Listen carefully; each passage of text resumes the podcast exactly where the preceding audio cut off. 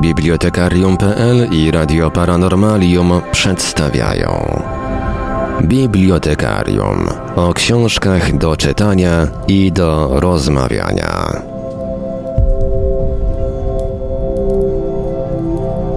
Nastał nam piątek, weekendu początek, wszystko już gra i buczy, chociaż widzę, że e, nasz nowy serwer nie raczył zaktualizować chyba paska z tytułem audycji, ale zaraz to zrobię, zaraz go kopnę w tyłek i każę mu zacząć działać tak jak należy.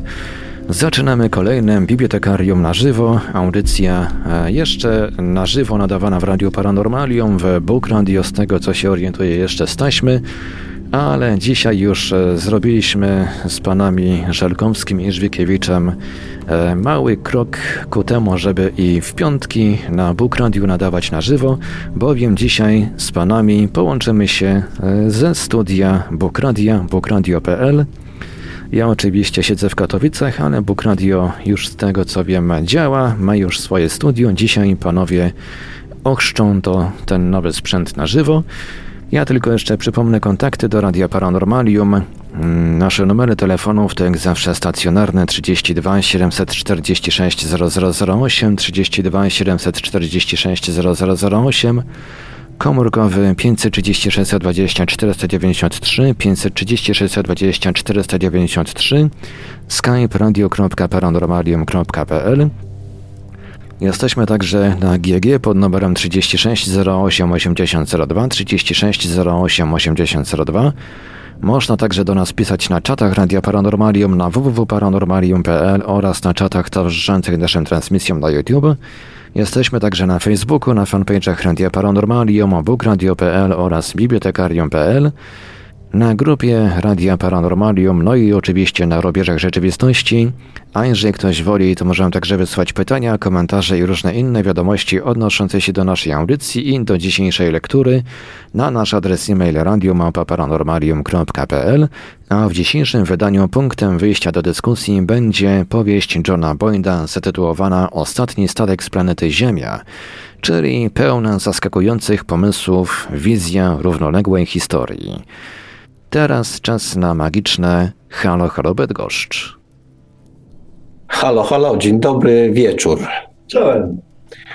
Tak sobie myślę, Marek powiedział, że chrzcimy studio to właściwie zgodnie z takim porządkiem, nie wiem czy dziejów, a w każdym razie z takim porządkiem, który się często przydarza, to się powinno coś zacząć sypać dzisiaj w audycji. Przede wszystkim to się powinno coś polać najpierw. No, no, no ale... Panie Wiktorze, my tu, mamy, my tu mamy wydawcę i wydawca jakby poskąpił. No, wydawca poskąpił, szampana nie było, nie było nawet tego, znaczy nie, bardzo widzę ściany do rozbijania tego szampana, no ale wydawca nie dał nam tej szansy po prostu. No to jak nie dał, to ciągniemy ten wózek dalej, no w każdym razie w nieco lepszych warunkach niż, niż ostatnio, a w ogóle w dźwiękowo lepszych warunkach, no sam powiedziałeś, nie musisz dźwigać teraz, dźwigać jak dźwigać, ale trzymać słuchawki przez trzy godziny, to zawsze, zawsze, jakaś, zawsze jakaś ulga.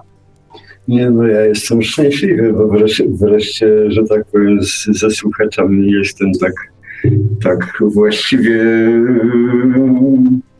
face to face po prostu. No tak, dzisiaj, tak jak Marek powiedział, powiedział, że bardziej, bardziej tak przez internet ear to ear. Tak. O, o. E, tak jak Marek powiedział, dzisiaj mamy, mamy lekturę z dawnych czasów. No, to jest książka wydana w 1979 roku w Polsce.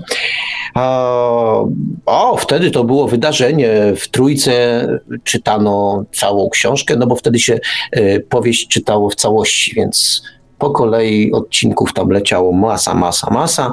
No brzmiało to dobrze. Ostatni statek z planety Ziemia. No tytuł był niezły. I mówiąc szczerze, gdzieś na wiosnę, y, kiedy przeglądaliśmy różne starocie, y, takie związane z fantastyką, któryś ze słuchaczy napisał, że może byśmy sięgnęli właśnie po tę książkę Johna Boyda, Ostatni statek z planety Ziemia.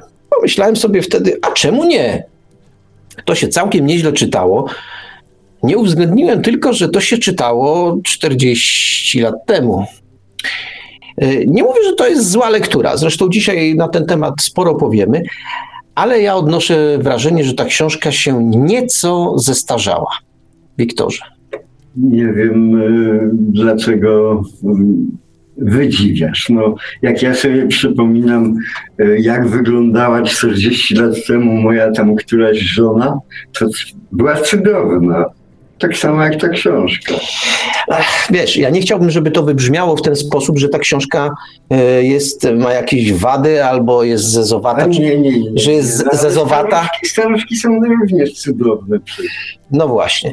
E, powiem tak, że e, jak sobie zajrzałem, e, jak sobie zajrzałem e, na niezastąpiony i niezawodny w takich razach e, portal Lubimy Czytać, to tam znalazłem sporo pozytywnych, współczesnych komentarzy. No tak, ale i znaczy się ta książka może jeszcze zaskakiwać. Może to jest po prostu książka dla ludzi młodych, a nie dla takich starych dziadów, właściwie dziadersów, dziadersów, jakimi my jesteśmy. No, może jak jest osoba młoda, nie ma jakiegoś tam bagażu, sam nie wiem, głupoty czy doświadczeń, sam nie wiem, co, w co nas co w nas bardziej przeważa, czy jedno, czy drugie, to może ta książka jest w ogóle objawieniem. Natomiast y, ja przy tej ponownej lekturze, nakłoniony przez naszego słuchacza, miałem wrażenie, że ona została wydana. Ja przypomnę, wtedy naczelnym y, bossem od fantastyki był w czytelniku i w serii z kosmonautą Lech Jęczmyk. Ja odnoszę wrażenie, że Lech Jęczmyk, nie mogąc wydać w czasach komuny Orwella i roku 1984 zdecydował się wydać e, ostatni, e, ostatni statek z planety Ziemia Johna Boyda. Wzruszasz ramionami, Wiktorze. No może no, to jest historia alternatywna. No. I w książce jest historia alternatywna i ja też właśnie stworzyłem historię alternatywną i ty się powinieneś zachwycić. Wiesz, no, oczywiście, ale na ile zna, znałem dobrze Leszka, to po prostu on był ambitny i chciał, natomiast praca, praca, praca wymaga y, po prostu czasami zwykłej roboty. No, no i wykonał tą robotę, pasował tą, tą książkę na, na szlagier yy, ówczesny. No i masz rację w dużym stopniu, że, że dla nas troszeczkę te książki, które minione z, z minionej epoki, to są trochę takie jak odgrzewane kotlety. Yy, natomiast dla ludzi młodych wbrew pozorom, to ja, ja wiem, jak, jak, jak, jak mój na przykład syn zareagował na to, jak, jak mu puściłem jakiś prokolharium albo, albo jak sobie zajrzał do, do Homera. Takie oczy, bo to dla niego to jest świeże, chociaż stare. Nie? Tak, no wiesz co, nieodparcie nasuwają mi się takie porównania. Dlaczego powiedziałem że Lech Jęczmyk nie mógł wydać roku 1984, w związku z tym wydał ostatni statek z planety Ziemia. Bo też te książki, yy, znaczy ich fabuła, nie, jeszcze nie, pewne wątki w tych, w tych książkach są podobne. Ja przypomnę, że antyutopia czy dystopia zwana y, 1984 bazuje tak naprawdę na, owoc, na owocu zakazanym, jakim jest seks seks pomiędzy grupami ludzi, no tam sobie po prostu y, na bazie tego, tego seksu Winston, główny, główny bohater, ja spłycam w tej chwili, tak, ale świadomie to robię, y, spłycam, ale uzyskuje pewną wolność, bo y, tam jest zresztą taki wątek dosyć, dosyć wyraźny, że państwo, to w, w Omni państwo, które, które w roku 1984 jest pokazane, ono również w tę sferę życia chce ingerować. I tu w ostatnim statku z planety Ziemia również mamy bardzo podobną, podobną sytuację. Otóż e, ludzkość, szczególnie ta warstwa elitarna, nie mówię o zwykłych ludziach, ale jest pewna grupa elitarna, też jest podzielona na grupy. E, one są związane z e, zawodem, a właściwie z dziedziną nauki, którą dana grupa się zajmuje, one pomiędzy sobą też się nie krzyżują, nie, nie uprawiają seksu, to już w ogóle absolutnie, ale też no, jest pewne podobieństwo i też y, głównych bohaterów, y, czyli y, Haldana 4 i Helisę też łączy wątek romansowy. Nawet rozwiązanie tego wątku, czy właściwie przyłapanie spoileruję, ale tak, wierzcie mi Państwo, nie w, tym, nie w tym seksie i nie w tym romansie istota tej książki, więc sobie mogę trochę pospoilerować. Natomiast nawet bardzo, w bardzo podobnych okolicznościach zostają złapani. Stąd takie moje. I powiem tak, wydaje mi się, że rok 1984 jest lepiej napisany. Ale to pewno w zależności od tego, na jakie tłumaczenie się trafi. Dobra, ja już sobie ponarzekałem, to już teraz chyba obowiązek spełniony. Jak ponarzekałem, to teraz możemy troszeczkę tę książkę pochwalić. No bo y, nie można czytać tak zupełnie książki ahistorycznie, to znaczy, że a, dzisiaj oceniamy ją w taki sposób, bo mamy, tak jak powiedziałem na początku, jakiś tam dziaderski bagaż doświadczeń. Nie, przeciwnie. Można też tę książkę potraktować jako byt osobny i ja właściwie w tej w trzech czwartych czy w siedmiu ósmych właściwie tej książki, nie traktuję jej jako coś, coś takiego, co, co by mnie odrzucało czy odstraszało. Wręcz przeciwnie. Ten, ten wątek antyutopijny czy dystopijny jest zarysowany całkiem konsekwentnie i całkiem sprawnie. Nie wiem, jak Wiktorze do tego tak, podchodzisz. Tak. No tak, przyznałeś mi rację i się wyłgałeś, czyli mam gadać dalej. Dobrze, będę gadał dalej. Natomiast tam się pojawia pod koniec, no, od początku słyszymy, że w tym dziwnym świecie, podzielonym właśnie na te grupy, e, wiemy, że coś się z tym światem nie tak. On ma jakieś takie e, powiązania z, z, naszym światem, no bo występuje tam zaraz na początku książki, mamy fragment e, przemowy Johannesburskiej, e, Abrahama Lincolna, i już w tej przemowie coś jest nie tak. Później nagle mamy świat, no i w tym świecie daty się nie zgadzają, jakby coś się, pewne rzeczy odbywały się wcześniej. E, w ogóle historia jest jakaś inna. E, pojawia się papież, ale papież nie jest człowiekiem. Kim jest, to nie będziemy zdradzać, jak już, jak już podtrzymujemy tradycję niespoilerowania zbytniego, to jej nie podtrzymujmy. Wiemy, że z tym światem coś jest nie tak, no ale podążamy, My śledzimy, śledzimy romans głównych bohaterów, wgryzamy się w ten świat, w którym poszczególne grupy, no zostańmy przy nazwie grupy zawodowe, chociaż to nie jest najszczęśliwsze określenie, ale te grupy, grupy zawod, zawodowe, one, e, one rywalizują pomiędzy sobą. Co więcej, próbują się od czasu do czasu wykańczać, czyli jakaś grupa próbuje wykończyć drugą grupę, żeby zniknęła, żeby jej nie było i tak dalej. No, życie akademickie y, na uniwersytetach się toczy. Ono jest trochę inne, ale właściwie też, też całkiem fajne. Główny bohater należy do w ogóle takiej uprzywilejowanej kasty. Jego ojciec jest kimś ważnym. E, to się tak toczy, poznajemy ten świat i to jest właściwie ciekawe. Ta jedna ósma, czy tam, nie wiem, pod koniec książki, będzie chyba prościej, jak w ten sposób powiem, pod koniec książki trafiamy do piekła. A czymżeż jest piekło?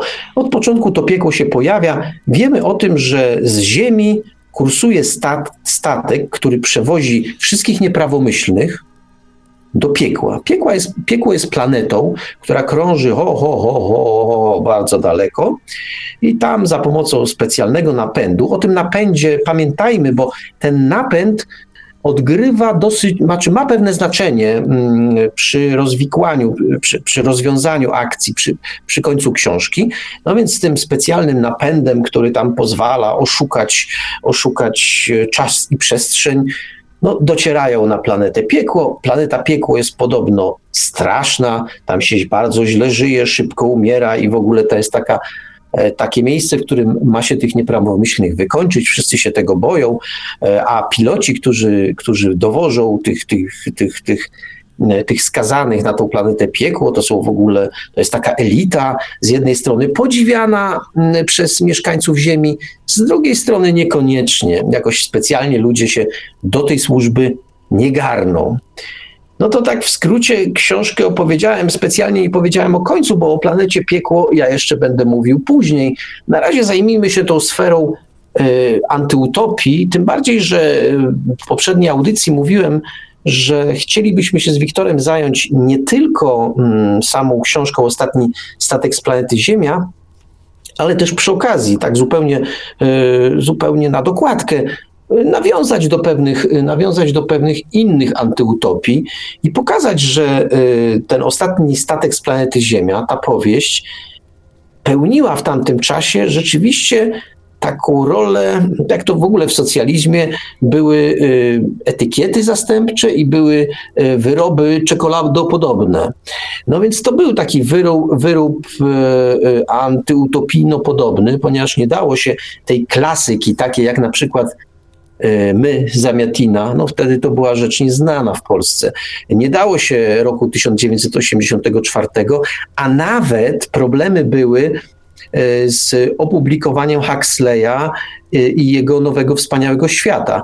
Nowy wspaniały świat ukazał się w latach 80. dopiero, bo wcześniej uważano, że te pewne takie odniesienia mogą być, no, mogą ludzi sprowadzić na manowce. Wymieniłem trzy antyutopie, ich by się dało jeszcze poszukać więcej. E, gdzieś powoli skradał się Zajdel ze swoimi, ze swoimi wizjami całkiem niefajnymi. W ogóle cały nurt socjologiczny. No cóż, Wiktorze, to teraz coś powiedz. Wiesz, no, ja w ogóle się zastanawiam, skąd się bierze ten podział na dlaczego istnieje na utopię i antyutopię. Jest to mniej więcej odzwierciedlenie naszego charakteru po prostu człowieka jako takiego, który jest albo optymistą, albo pesymistą. W środku jest racjonalizm. Y, czy y, patrząc na literaturę można powiedzieć w ten sposób, że y, antyutopie to są te pesymistyczne wizje? Całkiem słusznie. Utopie to są te optymistyczne, no ale co jest pośrodku w takim razie, Marku? Co jest tą racjonalną y, fantastyką? Mm, wiesz co, ja jak zwykle y, polemizując z tobą, to muszę powiedzieć, że się z Tobą absolutnie nie zgadzam. A teraz powiem dlaczego. E, bo Ty powiedziałeś, że są utopie i to są te pozytywne, i są antyutopie, i są, to są te negatywne. No więc jak ja sobie dobrze przypominam ze swoich wykładów e, na filozofii, to nie jest takie proste, bo czy chciałbyś się znaleźć e, w utopii Tomasza Mura? Dziękuję. Albo w Mieście Słońca Campanelli, to są, wszyscy, to są utopie. Miejsca, w których teoretycznie miało być fajnie. No, Morus przecież pisał e, nie po to, żeby nas przestraszyć, ale po to, żeby pokazać wizję idealnego społeczeństwa. No to ja Państwa przepraszam, coś strasznego. Żeby jeszcze sięgnąć dalej, no Platon też napisał państwo i dzisiaj jak się to czyta, no to to jest, e, no przepraszam, ale dziękuję, nie skorzystam.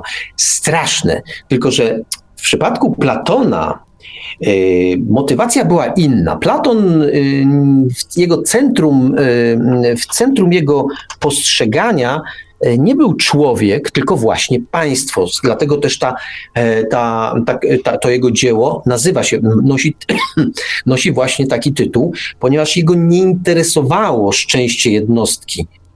E, on wychodził z założenia, że jednostki będą szczęśliwe, w silnym państwie, a żeby to silne państwo zbudować, no to on dał przepis, a kto ciekawy, niech sobie, niech sobie po państwo Platona sięgnie. No takie dosyć pokrętne myślenie z naszego punktu widzenia, ale w gruncie rzeczy bardzo racjonalne. Natomiast już Tomasz Morus, on tak naprawdę wprowadzał te wszystkie dziwne rozwiązania, takie właściwie komunę. No, tam, tam, jak, się czyta, jak się czyta utopię, no to to jest komuna, po prostu czysta komuna, gdzie wszystko jest wspólne, nie ma własności. No, rozejrzyjcie się Państwo, czy my nie zmierzamy przypadkowo w tym kierunku, ale to taka dygresja. A w każdym razie wszystko jest fa- i, i to ma ludzi uszczęśliwiać. He. Powiem Ci, że ta od tego czasu patrzę troszeczkę inaczej na ten podział. Oczywiście ja się do niego stosuję. E, to, co jest utopią, nazywam utopią, to, co jest dystopią, czy też antyutopią, no staram się tak nazywać. W ogóle ten podział na antyutopię i dystopię to jest też dyskusyjny. Ludzie się na ten temat potrafią kłócić godzinami na forach. E, proponuję nie wchodzić w ten temat, bo to już jest naprawdę e, wyższa szkoła jazdy. I oczywiście ktoś może zaraz na forum napisać, że to jest bardzo proste. Owszem, jest proste do czasu, kiedy się nie zacznie tego rozbierać na czynniki pierwsze. No cóż, o, mamy na, na czacie Marka Myszograja, bibliotekarium na drugiej zmianie w pracy to miód na uszy. No to polejmy jeszcze troszeczkę tego miodu.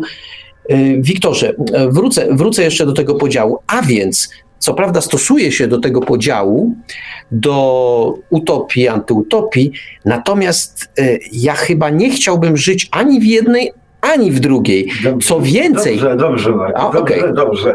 Y, ja traktuję i utopię, i antyutopię jako, że tak powiem, idealizm pesymistyczny, optymistyczny, ale ja ci zadałem również pytanie, co jest w takim razie po środku. I daj mi przykład takiej literatury środka, która nie jest anty, ani za, ani coś takiego. Ha, wiesz co, no, no to pamiętasz, yy, yy, jak przerabialiśmy, oczywiście zapomniałem tytułu, tę książkę, gdzie nasz główny bohater e, wyrusza z tej ziemi takiej mocno technicyzowanej, tam gdzie są istoty, bez, e, które nie mają świadomości, za to są, e, za to o, jak to, jak to czasami ciężko. Nieważne. W każdym razie spora część fantastyki nie zajmuje się tymi socjologicznymi wątkami, tylko opisuje jak jest. I tam możemy znaleźć elementy fajne albo niefajne, to już w zależności od tego. I my oczywiście możemy powiedzieć, o to tak prawie o antyutopię zatacza, zahacza, a drugi powie, nie, nie, nie, nie, to mnie się podoba. Trochę tak to wygląda. Jest bardzo dużo tej literatury środka, o którą pytasz. E, a ty coś powiedz, a ja znajdę tę książkę, bo się skompromitowałem właśnie po wsze czasy. Widzisz, Marku, ja przynajmniej tak sobie myślę, że, że literatura ta środka jest właściwie najsensowniejszą literaturą science fiction, bo ona opisuje dzień dzisiejszy, dziejące się w przyszłości oczywiście, ale to jest dzień dzisiejszy. Takie są space opery, takie są e, przede wszystkim space opery, ale, ale, również taka, która się zajmuje jakimiś tam problemami e, technologicznymi, Boże, zajmuje się przyrodą, nauką i tak dalej, nie zawraca sobie głowy idealizowaniem jakichkolwiek systemów y, społecznych, cywilizacyjnych, nie zajmuje się takimi rzeczami, tylko zajmuje się jakimiś problemami. To jest jedyna sensowna literatura w takim razie. Zaraz, no pogadamy. A czy ja oczywiście sprawdziłem, bo Wiecie Państwo, ja nie wiem, co jest z tym moim mózgiem. Oczywiście pamiętałem, jak się nazywa drugi tom i że to jest eopraksja, ale nie pamiętałem, że pierwszy się nazywa ślepowidzenie. To już jest jakieś starcie zwyrodnienie. W każdym razie Peter Watts tę książkę napisał i on się tam nie zajmował tak naprawdę. On oczywiście opisywał y, społeczeństwo i opisywał pewne stosunki, które w tym społeczeństwie no występowały, ale on nie wchodził w dyskusję. Ty sobie możesz powiedzieć, jej, jakie straszne społeczeństwo, a ktoś inny powie, nie, nie, to mi się bardzo podoba. Nie wchodził w to. No ale czy z tego da się wy, wy, wy, wyciągnąć taki wniosek, jaki ty wyciągnąłeś, że nie ma co się zajmować, tylko trzeba tym środkiem podążać, to ja nie jestem przekonany. Bo z jakiejś potrzeby, ja traktuję pisarzy jako ludzi, ludzi o, którzy myślą i myślą jak myślą, ale czują więcej. W związku z tym, skoro taki Orwell, skoro taki Zamiatin, e, Huxley to podejrzana persona, on, jemu się to chyba podobało, co napisał, ale skoro wielu innych, skoro, skoro, e, skoro wreszcie Boyd napisali takie książki zahaczające o y, dystopię, antyutopię, to coś w tym chyba jest. Jakiś, nie wiem, czy to jest krzyk rozpaczy, czy to jest, czy to jest ostrzeżenie, nie, nie, chcę nawet wchodzić w takie dyskusje, bo ja nie wiem, czy one mają do końca sens. My nie jesteśmy w stanie wejść w skórę y, pisarza. My dostajemy gotowe dzieło, oderwane od tego, od, oderwane od tego, y, od tego autora. Często zresztą Krzysztof Sokołowski powtarza to, że w momencie, kiedy odkładasz, y, no kiedyś długopis, dzisiaj, kiedy odsuwasz klawiatury od siebie, skończyłeś swoje dzieło, Owszem, ono jest podpisywane Twoim nazwiskiem, ale ono przestaje być Twoje. Ono jest czytelników, oni je interpretują, oni je przetwarzają. Ty oczywiście jesteś jednym z interpretatorów. Pewno ci jest do niego najbliżej. No, ja to tak traktuję troszeczkę. Wiesz, jak wspomniałeś o tym, że muszą istnieć jakieś przyczyny, ale te przyczyny są czasami bardzo głębokie i jasne, ale dobrze, jeśli są jasne. Oczywiście jasnym jest, dlaczego Sołżenicyn napisał Gułak, Archipelag. Tak. Natomiast y, jasnym jest wiele, y, cała twórczość Zajdla czy, y, i tak dalej. Natomiast Jaka, jaka jest jasność tej, tej antyutopii, czy, czy, czy tego w tych, w tych wszystkich idealistycznych, że, że tak powiem, produktach zachodnioeuropejskich? Ja ci zwrócę uwagę, że, że powody jakiś mm, jakichś stanów, jakieś rzeczy bywają bardzo pokrętne, bardzo dziwne. Na przykład porównanie, które porównałeś y, tej, tego ostatniego statku z planety Ziemi do, do, do Orwella, ten gdzie, gdzie istnieje ten seks jako towar, że tak powiem, prawie podstawową rzeczą i tak dalej. To się zresztą kręci wokół tego samego, tego samego. Skąd to się wzięło? Otóż to się wzięło, to są takie y, podrygi kompleksów y, protestanckiego purytanizmu, który, jest, który sobie Zachód odreagowywał. On sobie odreagował ten, e, ten cały, te wszystkie kompleksy aż po pornografię. Nie? Zwróć uwagę, że na literaturze i sztuce całego świata, poza zachodnią Europą i Ameryką, tego problemu purytańskiego, yy, protestanckiego purytanizmu nigdy nie było seks zawsze istniał. Skłodowska też miała dzieci. Chopin, coś tam z tą Georges Sand zapewne. To nigdy nie było żadnym problemem ani w Polsce, ani w Rosji, ani w Japonii, ani w Chinach. Seks po prostu był jednym z elementów życia normalnych ludzi. Natomiast tak, yy, protestancki purytanizm, no i troszeczkę oczywiście pociągnięta ta, ta nasza, nasza chrześcijańska wizja tego, tego raju i, i, tego zakazanego owocu i tak dalej, to zaciążyło tak straszliwie, że, że trzeba było to odreagować. No i się nagle pisze, tworzy się wizje, w których to jest ten, pojawia się towar jako pornografia, no bo, bo jest potrzebny. Reszcie świata to było o kant dupy się roztrzaskać, niepotrzebne. Hmm. Do niczego nie, nie, nie, nie, służy. I właściwie dzisiaj, jak się, jak się, ja nie wiem, jak będzie co czytał jakiś Japończyk, czy, czy coś, te, te, te całe ten, te drwy mały, to oczywiście zwrócił uwagę na socjologię, zwrócił uwagę na to. Natomiast jeśli chodzi o te sprawy yy, damsko-męskie, to się postuka w głowę, ci, ci, ci, ci z zachodu to mają. A poczekaj, tak. ja, mam, no. ja mam trochę inny pogląd, ale yy, chwila, rzut, rzut oka na czat. E, pisze o 35 do mnie, że e, dziadersi mają dzisiaj inne znaczenie. E, no tak, ale mm, ja czasami odnoszę wrażenie, że dziadersi um, mają dzisiaj wielorakie znaczenie, bo bywają też używane w kontekście takim. Każdy, kto jest starszy ode mnie i kiedyś byłby na przykład człowiekiem, którego musiałbym słuchać, to dzisiaj go słuchać nie muszę, bo go nazwę dziadersem, bo się akurat nie zgadzam z jakimiś poglądami jego. A to jest normalne, że ludzie się nie zgadzają. Ja się z tobą też, Wiktorze, w wielu sprawach nie zgadzam, i cię dziadersem nie nazywam. Dzisiaj, jak każde słowo, które jest nadużywane, słowo dziaders y, zaczyna, ładnie brzmi, trzeba przyznać, że fajnie brzmi, natomiast jest nadużywane i to jest taka pała, maczuga troszeczkę, którą się okłada wszystkich. Jak nie lubię Sokołowskiego, to jest dziadersem. Jak nie lubię Ziemiańskiego, to też jest dziadersem. Jak nie lubię kogoś tam jeszcze, to też jest dziadersem. I właściwie ja odnoszę dzisiaj wrażenie, że każdy, kto przekroczył, przekroczył 40, zaczyna być dziadersem. Dla A wcześniej grupy. staje się boomerem. Okej, okay, boomer. Tak, tak, jest, okej, okay, faktycznie. Także mm, w ogóle te określenia, ja natomiast z lubością używam e, słowa dziaders, ponieważ ono fajnie brzmi. E, nie wiem, czy chcę być dziadersem, ale, ale, ale używam, używam go chętnie. Natomiast teraz co do tego, co ty powiedziałeś.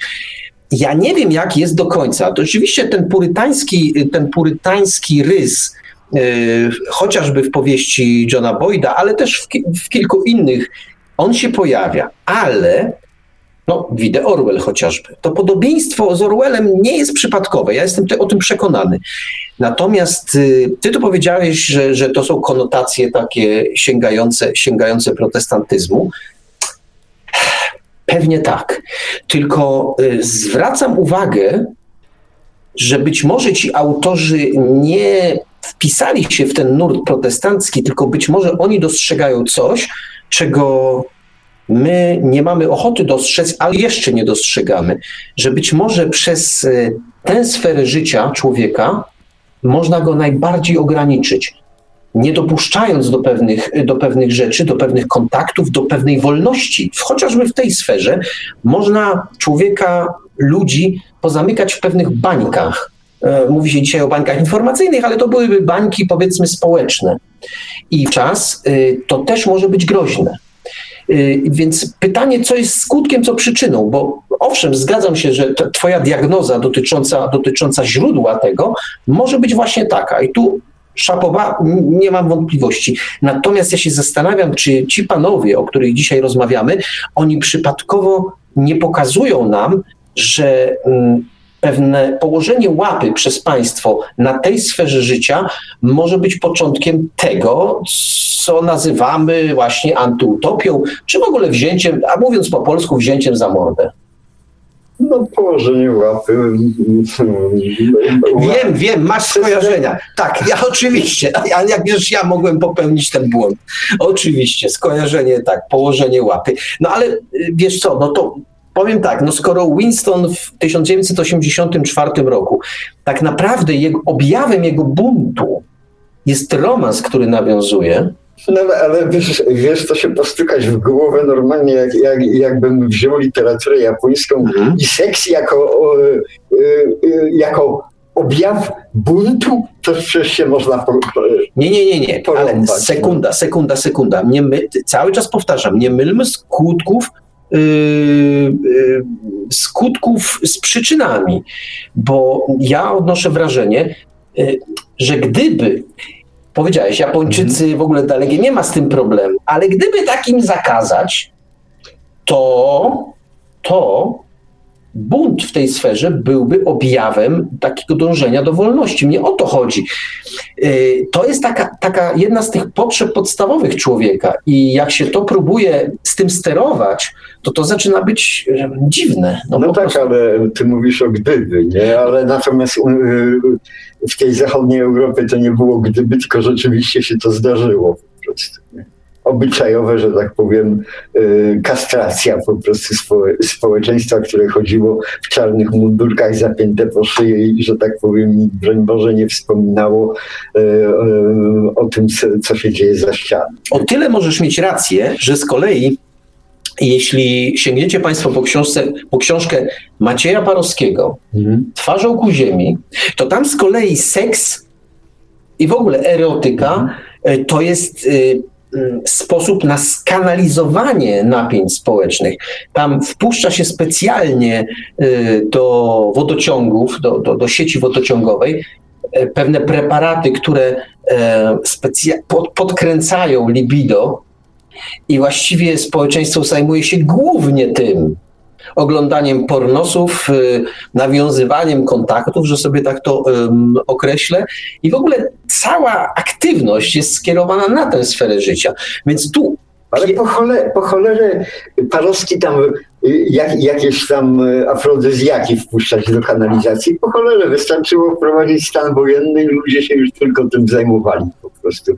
No bo na ulicę wieczorem wyjść nie mogli i, programów telewizji też nie było żadnych, więc, więc radocha wielka. No i fajnie było. A tu mam ciekawy wpis Marka Myszograja. Podam, yy, yy, podam inny przykład yy, zderzenia dwóch kultur, stylów życia społecznego i tak dalej. Był film, mhm. ale mówię o książce Tańczący z wilkami. Czytelnik zdaje sobie sprawę, że w społeczeństwie ważne są relacje. Tańczący z wilkami, mimo to książka powiedzmy historyczno-przygodowa, ale w, odnieś w odniesieniu zderzenia kultur, to tak jakby zderzyły się dwie cywilizacje, ziemska i obca. ale to takie moje widzi się. E, o 35 Krzyk Ciszy e, to był jak w serialu Zmiennicy. Jak już wspomniałem, serial Zmiennicy, to służę cytatem z serialu wypowiedź dyrektora Instytutu Literackiego Opoka, granego przez Gustawa Ludkiewicza, która powinna być przestrogą dla wszystkich marzących o karierze pisarza. Normalny człowiek nie pisze powieści, to są zboczeńcy. No tak, no tak, no, no tak, ja się zgadzam bez względu. No to witamy w klubie, no. witamy w klubie zboczeńców. E, Okej, okay, ale wróćmy, wróćmy do tej kwestii, e, mówisz, nie bardzo rozumiem to, ten twój zarzut do Parowskiego, o, ty, znaczy, o tym stanie wojennym, bo to dwie różne sprawy.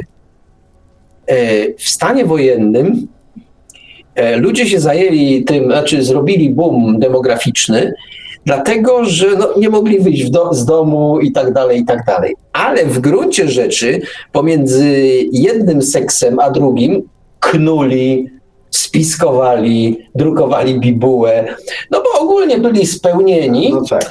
a przy okazji no, dokonywali czynów bohaterskich. No, fakt jest faktem, że trochę powiedzmy to, co się działo w stanie wojennym, no powiedzmy my bardziej wierzymy legendom, jak też to podziemie było silne, niż ono rzeczywiście było silne.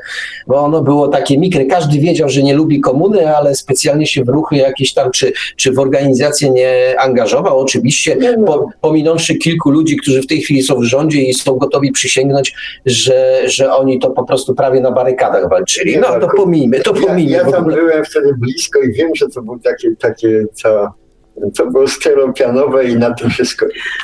No, dokładnie, ale wróćmy jeszcze, wróćmy do tego. Natomiast y, i, i, pod tym względem, i pod tym względem, no tak, mówisz wprowadzenie stanu wojennego. Natomiast Parowski pisze o tym, że w społeczeństwie dosyć zamożnym, I tak powstaną pewne napięcia. No bo ludzie, jak są zamożni, to chcieliby korzystać z tego, ze swojej zamożności.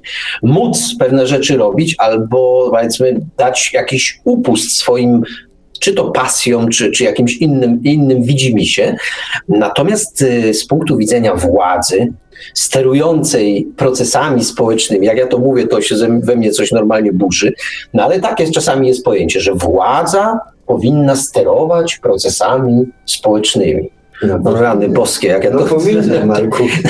nie, to nie jest, nie jest potrzebna władza. No, tak, ale nie na tę skalę, jaką sobie niektórzy we władzy wyobrażają. Ja oczywiście wiem, że po co jest władza i rzeczywiście to nie może być tak, że albo mamy anarchię, albo jak, jakiś system władzy występuje. Natomiast jak władza staje się omnipotentna i chciałaby regulować każdy przejaw twojego życia, no to już jest coś w głowici się w tej władzy poprzestawiało. W każdym bądź razie Jeśli chodzi o coś takiego, to jak to społeczeństwo zaczyna być świadome, bogate, no to zamiast zajmować się poprawianiem tego bytu społecznego, to niech się zajmą seksem.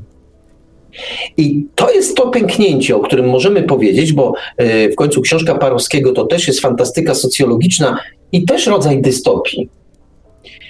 A zobacz, inne podejście. E, Orwell i e, Boyd widzą rozwiązanie w limitowaniu kontaktu seksualnych, a właściwie nawet nie limitowaniu, bo to rzecz nie w limitowaniu, tylko e, w ograniczaniu dostępności, czyli nasz główny bohater, któremu jest bliżej do nauk ścisłych, nie może się kontaktować z Helisą, która jest przedstawicielką, która studiuje poezję.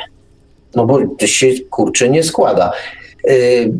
A oczywiście jest na to odpowiedni bełkot naukowy, tamtejszy, książkowy, dlaczego tak się nie może dziać. Tam są linie genetyczne i tak dalej, i tak dalej. Nie wchodźmy w szczegóły. W każdym razie tak to się mniej więcej odbywa. Yy, I tu mamy, mówię, nie potrafię go w tej chwili rozstrzygnąć tego pęknięcia, ale rzeczywiście mamy dwa różne podejścia. Orwell i, i, i John Boyd i Maciej Parowski. Yy, może mi coś na ten temat powiesz? No Ciężko mi powiedzieć, bo bym musiał coś spuentować. Okej, okay, to nie puentujmy, jeszcze chyba za wcześnie, żebyśmy cokolwiek, cokolwiek puentowali. E, w każdym bądź razie, o, kiedy, kiedy, rozmawiamy, kiedy rozmawiamy o antyutopiach, dystopiach, e, to mamy takie poczucie e, lepkości. Zaraz powiem, o co mi chodzi z tą lepkością lepkości polegającej na tym, y, i to Zarówno, y, zarówno mamy i tutaj w ostatnim statku z planety Ziemia, jak w 1984, jak i chociażby w um, u, Huxley, Huxleya w Nowym Wspaniałym Świecie. Lepkość polega na tym, co już powiedziałem wcześniej, władza stara się ciebie jako jednostkę oblepić, tak jakby tak kompletnie zamknąć, żebyś nie przejawiał żadnych pragnień, e, wynika, e, czy takich pragnień, których władza e, nie ma ochoty albo nie może spełnić. To jest jeden oczywiście, jedna oczywiście z interpretacji. Poza tym, człowieka, który prowadzi, takie mam wrażenie, przynajmniej to z tego, co u Boyda wynika, co jest napisane, mm, człowieka, który jest w pewnej bańce społecznej, łatwiej kontrolować, bo jego grupa go kontroluje.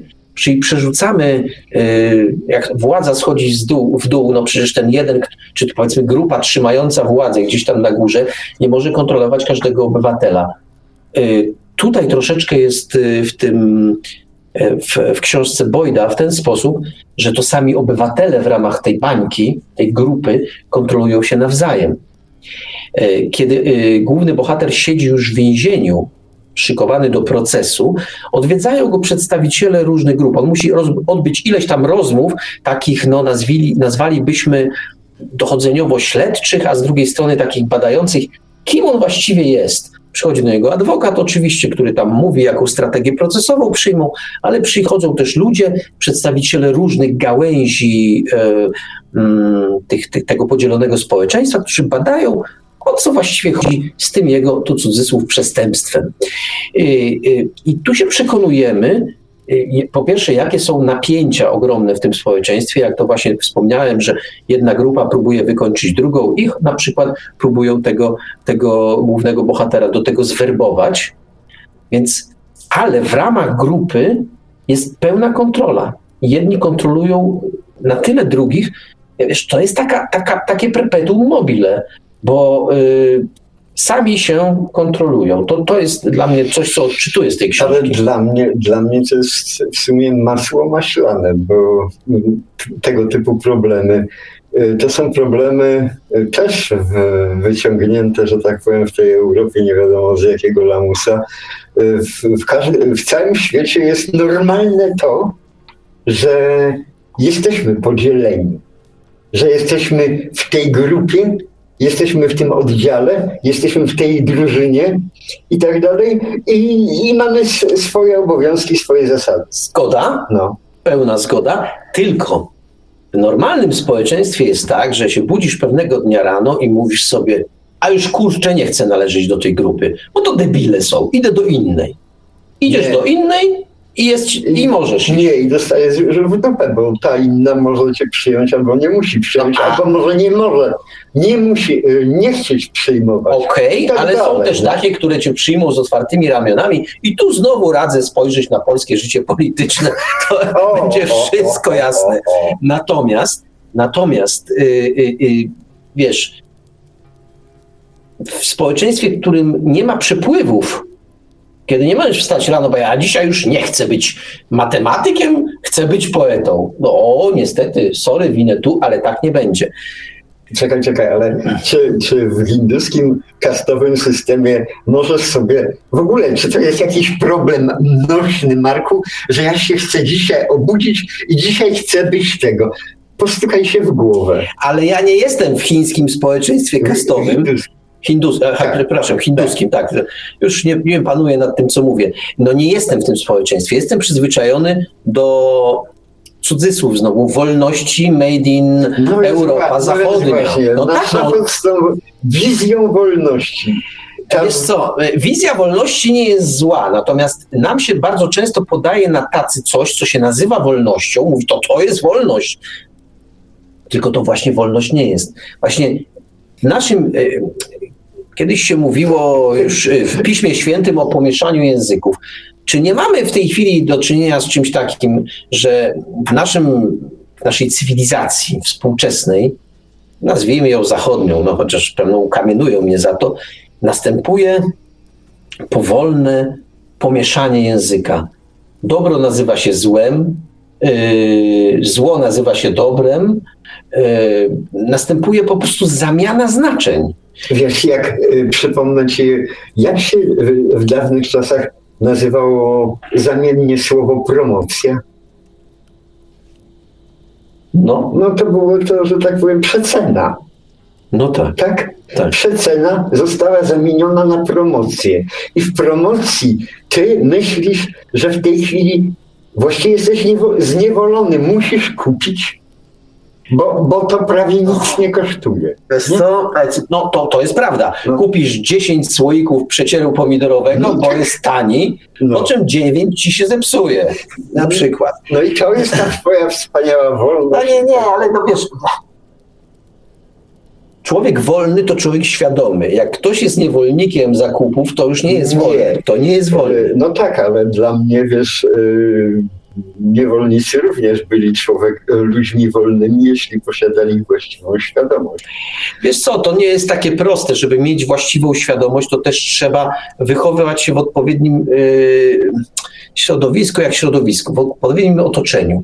Czyli ci wszyscy, którzy kombinują z inżynierią społeczną, mówią o tym, że trzeba dzieci wychowywać. Zobacz, Europa Zachodnia. Dziecko yy, jest, nie, no, ale poczekaj. Już dzisiaj nie można wychowywać. No nie, nie, poczekaj, no, no do tego, do no. tego na, nie nadążam za tobą. Tak. Do tego chcę nawiązać, że dzisiaj rodzice owszem mają dzieci, ale to te dzieci to są właściwie oddane na przechowanie. No, możecie je wychowywać, znaczy możecie je chować. chować. O, właśnie szukałem słowa. Ale jak wy zaczniecie je za bardzo wychowywać, a już nie daj Boże, nie tak, jak sobie państwo tego życzy, to się wam te dzieci odbierze, bo ty wy te dzieci krzywdzicie tak naprawdę. I to jest wszystko kwestia słownictwa, bo to, jak dzisiaj na przykład chcesz wpoić swojemu dziecku pewien system wartości, a co ty robisz tak naprawdę według współczesnych, współczesnych yy, mądrali?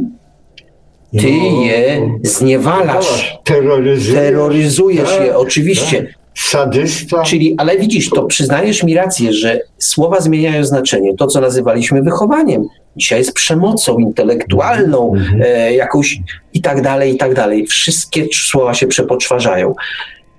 Zrzut oka znowu na czat o 35 pisze, położenie łapy na kolejne sfery życia kończy się zazwyczaj buntem społeczeństwa, a to prowadzi również do rewolucji. Żadna rewolucja nie zakończyła się jeszcze pozytywnie dla ludzkości. Dlatego jestem zwolennikiem ewolucji. I tu szybko wejdę w to.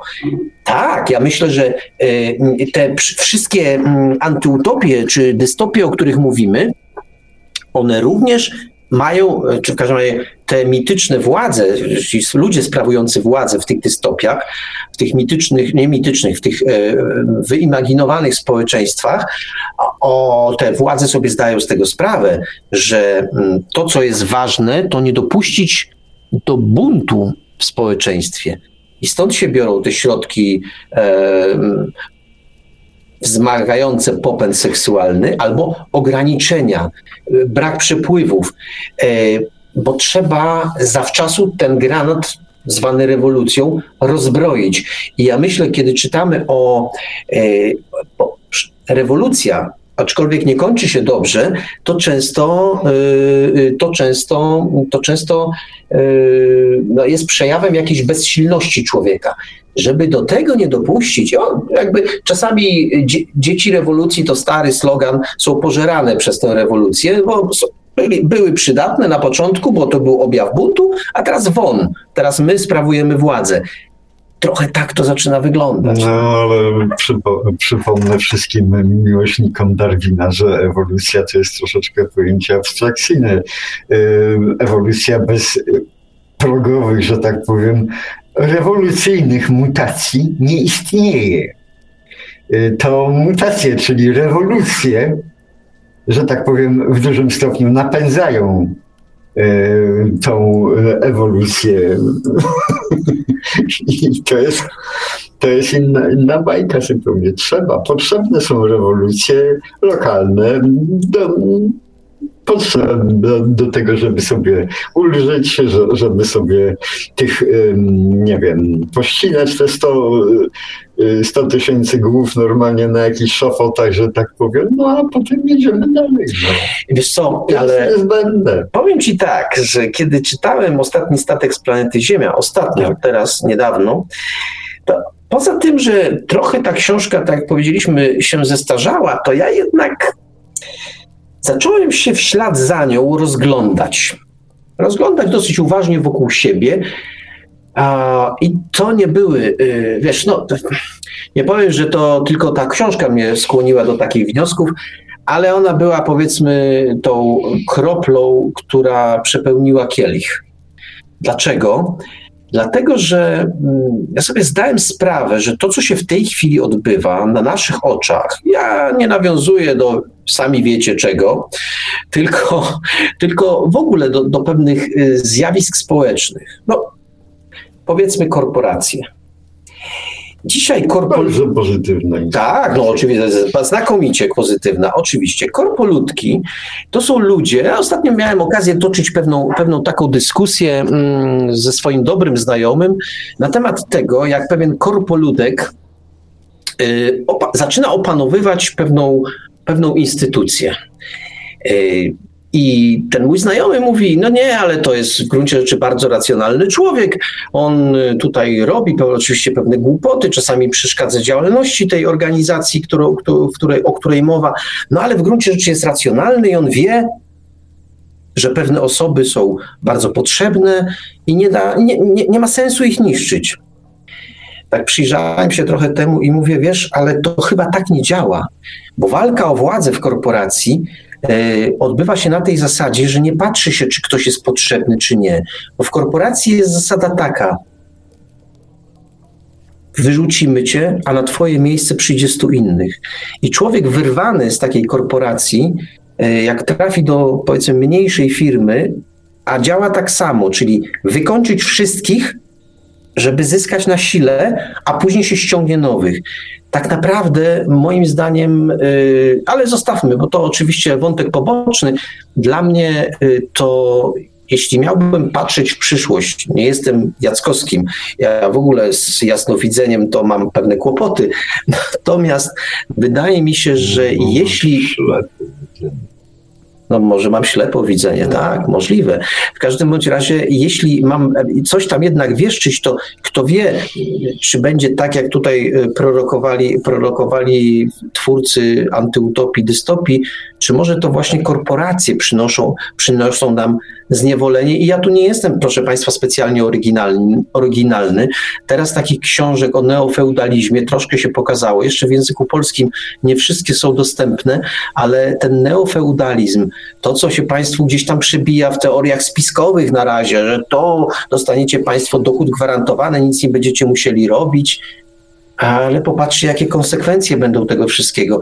Bo nam się wydawało, że mm, wszelka antyutopia, dystopia zostanie wprowadzona na modłę radziecką, czyli e, kolbami, bagnetami i rozstrzeliwaniem.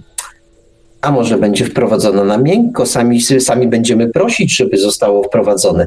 Dajcie nam dochód gwarantowany, nie będziemy musieli pracować. Dajcie nam telewizję, dajcie nam Netflixa, dajcie nam, dajcie, dajcie, dajcie, dajcie. Jak już nam to wszystko dacie, nie, no wiesz, to. Y ja znam takie zwierzątka. One stoją tak w równym szeregu przy korycie i przeżywają. I zawsze dostają to, co potrzebują. Nie? I przy tym korycie przeżywają. Natomiast kto inny pracuje i zawsze tak było i, i wiesz, dzisiejsze, że tak powiem, większość przemysłów, my jesteśmy uwarunkowani tym, że Chińczycy pracują, a nam sprzedają. Ale tak było zawsze, Marku. Jak przy, przypomnę kazus y, Hiszpanii, która, że tak powiem, zdobyła y, nowy świat, złupiła Inków i tam wszystkich innych tam i tak dalej, zwoziła galeonami złoto, srebro i tak dalej. Co ona z tym zrobiło? Z tym złotem?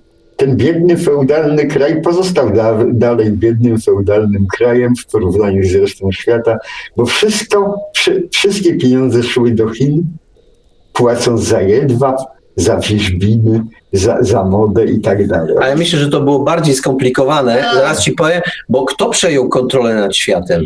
Wspomniani przez ciebie purytańscy Anglicy. Oni to obrócili w maszynkę do robienia pieniędzy po prostu. to, czego pisz, no, o, przepraszam cię, na kilkaset lat. No tak.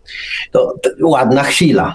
Ja coś chcę przeczytać. Na czacie Marek Myszograj pisze, przyjemnie się tego słucha, tylko nie mam pojęcia, o czym konkretnie panowie chcą powiedzieć. Czuję, że pewien cytat byłby przydatny. To zanim ten cytat mhm. przeczytam, to coś powiem.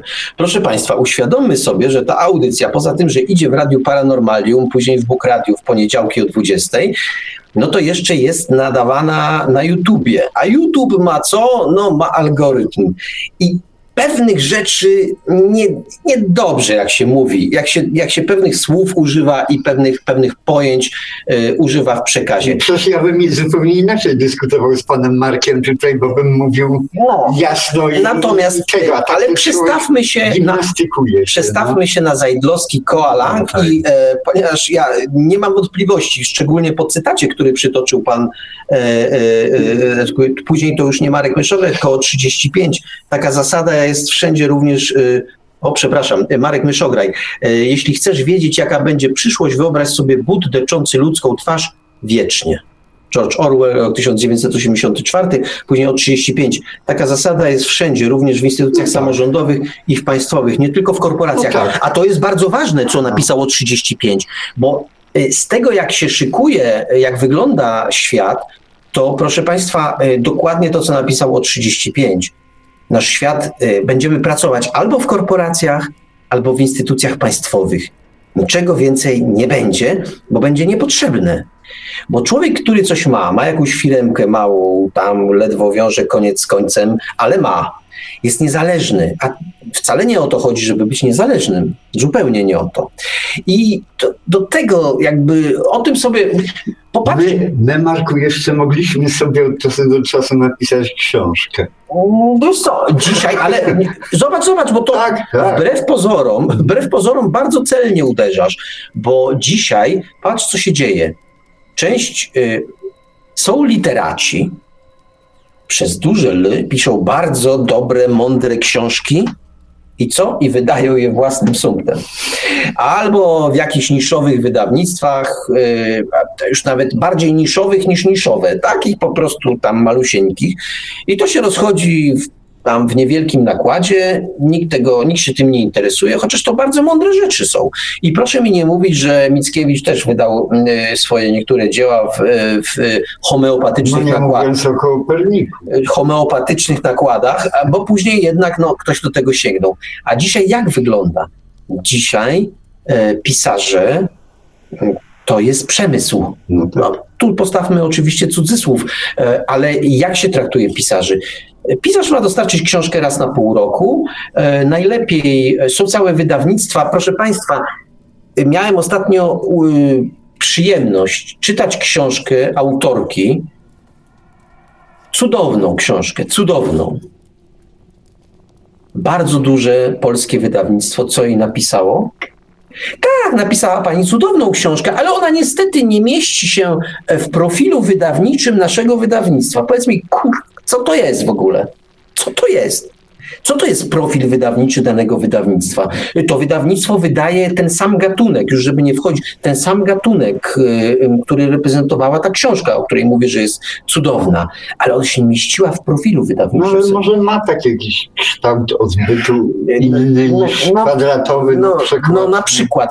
Więc, no. ale nawiązuje do tego, że coś się dzieje takiego, że w tej chwili y, jak się zaprzyjaźnisz z korporacją i wydajesz pieniądze, y, pieniądze, pieniądze też, pieniądze wydajesz w korporacjach, ale jak zarabiasz pieniądze u korporacji, korporacja ci mówi, co masz napisać, jak masz napisać i najlepiej na jaki termin masz napisać, to jesteś, jesteś gość.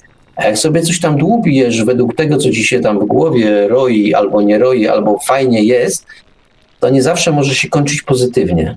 No. Może cię za 200 lat odkryją, tylko ja nie wiem, czy ktoś to będzie czytał za 200 lat. Wiesz, ale Michał Anioł też robił na zamówienie, że tak powiem, wszystkie swoje rzeczy. E, natomiast nie, e, nie, nie, nie przeszkadzało mu to również być genialnym, że robił dokładnie tak, jak ktoś chciał. Nie, nie tak, jak ktoś chciał, tylko to, co chciał. Wiesz co, y, i to jest pewna rzecz znowu ważna, którą poruszyłeś. Tak, Michał Anioł, jeszcze kilku innych sławnych, robiło na zamówienie. To się nazywało mecenat albo jakoś... No tak. Okay. I to było ok, dlaczego? Dlatego, że zamawiał konkretny człowiek u konkretnego człowieka. Albo mówił, panie Michał Anioł, a mi się nie podoba to, co pan robi i ja u pana nic nie zamówię. Albo mówił, panie, pan to robi cudownie i ja u pana zamówię. I to był czas miniony, który tobie się wydaje podobny. A mnie się wydaje, że dzisiaj jest inaczej. Bo czym jest korporacja? Korporacja jest mądrością zbiorową. Tam nie ma jednego, no gdzieś tam jest, ale on jest tak odległy, że to jest jakby w ogóle na inną planetę latać.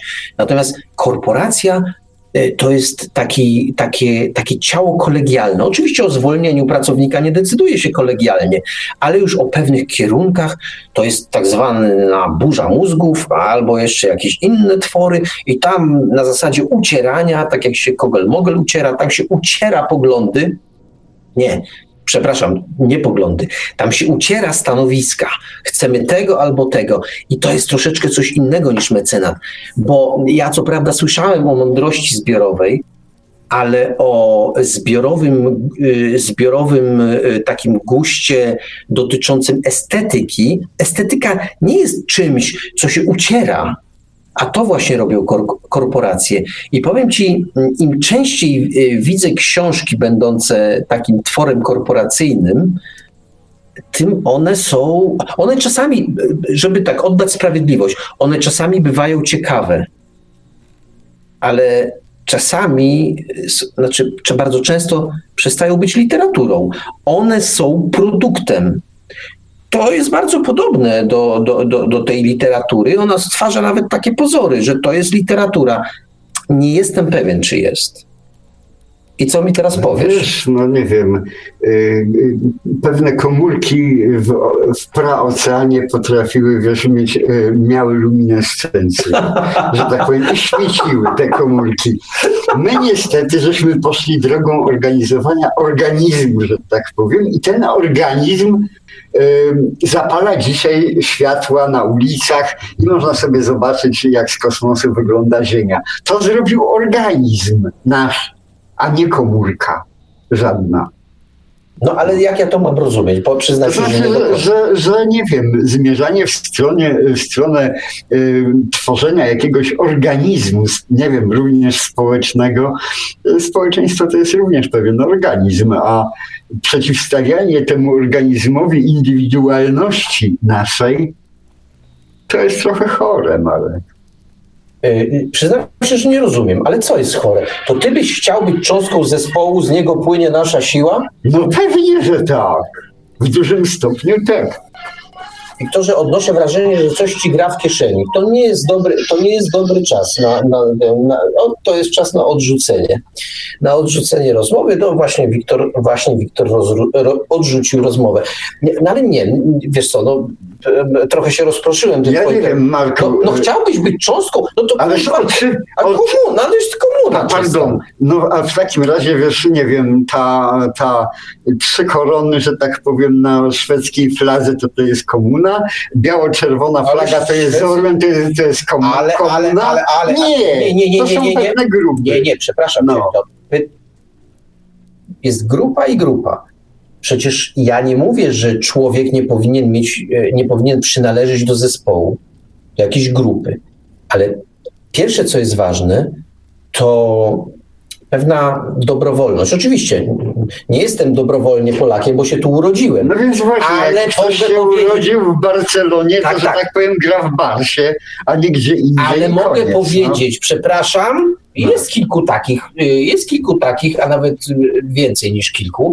Mogę powiedzieć, przepraszam, ja się nie czuję już Polakiem, czuję się Europejczykiem, czuję się, nie wiem, obywatelem ziemi i nie chcę mieć z tym nic wspólnego. No to wielu no, no, no to, to wielu jest takich, oczywiście. I pewna dobrowolność jest. Jeśli ja dobrowolnie przynależę do jakiejś grupy, chcę ją tworzyć, widzę w tym sens, to jest w porządku Natomiast my mówimy w tej chwili e, w naszej audycji o sytuacji ja się, przymusowej. Ja się dobrowolnie tutaj w Polsce nie urodziłem. Tak, ale możesz się, ale mogłeś się wypisać. Nie, nie mogłem, no, bo, bo skoro tutaj, że no, tak powiem... A żyłeś w systemie opresyjnym, komunistycznym. Dzisiaj mógłbyś powiedzieć, że się tak nagle poczułeś Żydem, nie, albo poczułeś się Chińczykiem. Żyłem w systemie opresyjnym tym systemem, e, apostołami tego systemu opresyjnego był Mickiewicz, Sienkiewicz, proszę ciebie i tak dalej.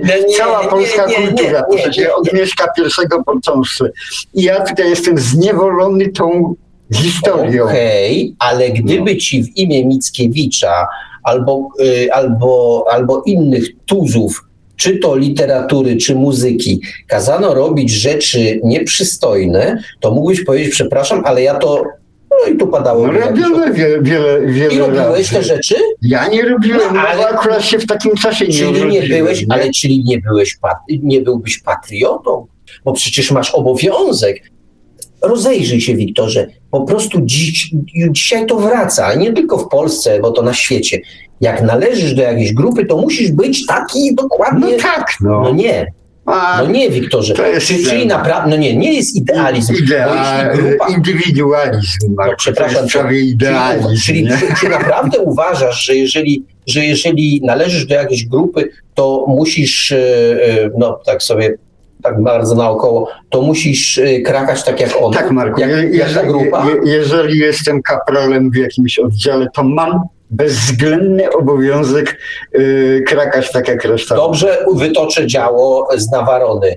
No. Czyli Niemcy robili dobrze, bo należeli do grupy i w związku no tak, z tym no. hajlowanie powszechne. No tak. Dzisiaj opowiadają, tak jak to Sienkiewicz często przytacza, że wszyscy byli w orkiestrach pułkowych. No bo nie, tam w ogóle nikt w SS nie służył. Chyba, że to byli Ukraińcy ale, albo, albo Holendrzy. Ale tam Niemcy to absolutnie Pani Merkel dziękowała za wyzwolenie Niemiec od nazistów. W jakim języku ci naziści mówili? Nazistowskim pewno. No. To jest coś takiego, co, co jest, ta subtelna różnica, do którego momentu e, podążasz z tymi wronami, a od którego momentu już tego nie robisz. I na tym polega jak... W danym momencie, w danym momencie jest tak, albo inaczej. Natomiast przykładanie do tego e, wymiaru, że tak powiem, jakiejś utopii albo dystopii, to jest chorym troszeczkę patentem. Nie, nie, nie, Bo dzisiaj w danym momencie może być ta rzecz słuszna, a później nie. To jest tak jak z, z tymi dylematami z Marku z powstaniem warszawskim. Zawracanie głowy. Tam, wtedy, w tamtym momencie to była rzecz niezbędna została zrobiona. Dywagowanie dzisiaj, czy było potrzebne, czy było niepotrzebne, to, to, to, to ludzie się powinni postukać w głowę ci, którzy, którzy, którzy to, te dzieła wytaczają. A to ja polecam pewne, pewien filmik na YouTubie dotyczący powstania y, warszawskiego. Bo to, co powiedziałeś przed chwilą, że to dla tych ludzi, no tak. to jak najbardziej, to dzisiaj jak się słucha wspomnień tamtych ludzi, y, to mówią, no ale to sobie inaczej tego nie wyobrażali. Tak musiało no, być. Tak ale ten filmik, do którego się odwołuje, odwołuje się i znowu to jest w kontekście dzisiejszej naszej rozmowy. Byli tacy, którzy tym zarządzali, którzy to organizowali, no którzy, na wiosnę, którzy na wiosnę 1944 roku najpierw wywozili broń z Warszawy, żeby ją zabezpieczyć. To dlatego później w powstaniu, e, powiedzmy, jeden karabin przypadał na jakiś oddział, bo nie było więcej, bo wcześniej na wiosnę były wywożone. Później oczywiście były z kolei ściągane z powrotem, ale to oczywiście nie udało się w pełni. I tak dalej, i tak dalej, bo ktoś coś musiał komuś udowodnić. I ja nie mam, przecież nikt nie ma pretensji, yy, ani, ani w ogóle, tak jak powiedziałeś, ja tych ludzi, którzy wtedy chcieli wolności, chcieli wreszcie zrobić coś, absolutnie ja ich, ja ich rozumiem ale znowu zawsze są ci, którzy tym dowodzą. I mam takie wrażenie, że jak ktoś chce komuś coś udowodnić, to powinien robić to sam, a nie, y, a nie doprowadzać do tego, że zginęło 200 tysięcy ludzi w Warszawie. I patrz, jedno drugiemu nie przeczy. To, że to się musiało wtedy tak odbyć, wtedy dla mnie też jest oczywiste. Bo tak ludzie, ale ktoś do tego stanu doprowadził. Ktoś doprowadził do akcji burza, ale wiecie Państwo, ja nie jestem, nie jestem historykiem, ja się mogę mylić. sięgnijcie Państwo do mądrzejszych, do mądrzejszych, którzy to próbują w jakiś sposób naświetlić, bo ja pewno mam za mało wiedzy. No, tutaj o 35. Naziści mówili w języku Wagnera i Goethego. No, no tak. tak, no ale to przecież nie byli Niemcy. No, no śmieję się. No może... No, prowa- wiesz, powiem ci tak. Austriacy. Ja bym chciał, żeby Polska kiedyś miała takich speców od PR-u, jak, jak, jakich mają Niemcy. Popatrz, minęło od wojny 70 kilka lat i oni już mówili Europie, światu, że byli jacyś naziści. Niemcy to nie, nie. No, Niemcy zostali wyzwoleni przez aliantów z, z opresji nazistów, no bo tam naziści byli. Proszę ciebie, gdybyśmy my mieli takich PR-owców, to w ogóle w innym miejscu historii i świata byśmy byli. Coś się dzieje po prostu, ale wiesz co, to jest jakaś boczna uliczka. Wróć, tak. wróćmy do tej, do tej masowości albo niemasowości. Powiem ci tak, że y, moim zdaniem y, z, trochę zbaczamy, bo zbaczamy z problemu, bo nie rzecz w tym, że należysz do jakiejś grupy, rzecz w tym, czy należysz do niej dobrowolnie.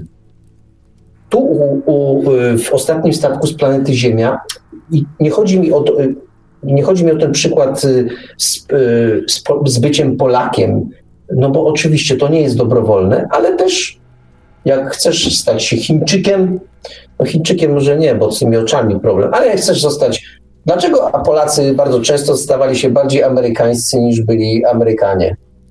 Tak bardzo chcieli być amerykańscy, że później zapomnieli, zapomnieli języka w ogóle.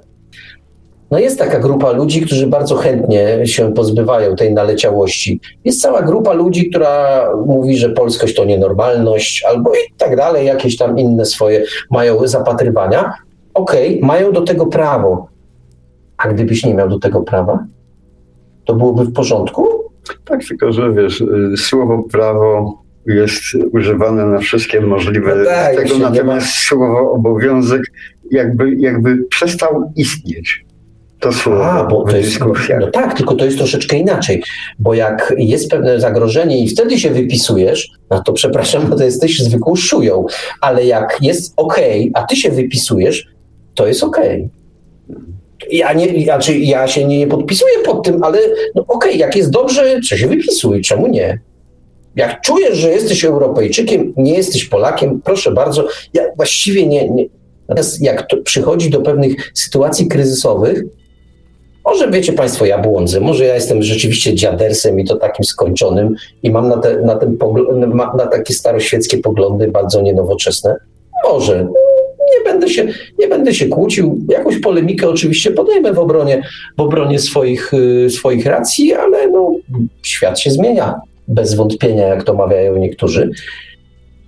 W każdym razie, jak my, Marku, yy, pod, tak, mam takie wrażenie, że niby żeśmy odlecieli od tego, ale my w sumie dalej yy, jesteśmy w świecie jest, jest Bojda. Tego Bojda, bo, bo po prostu to jest rozważanie nad, nad totalitaryzmem konsekwencji, przynajmniej w naszym tutaj takim europejskim y, widzeniu tego i znaczeniu tego słowa.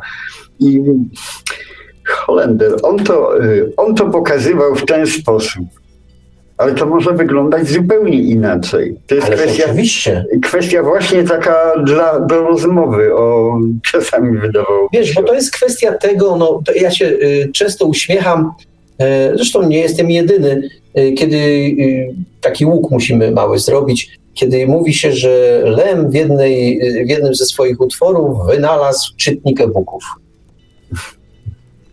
No, rzeczywiście na to jest odpowiedni cytat, prawie się dokładnie pokrywa.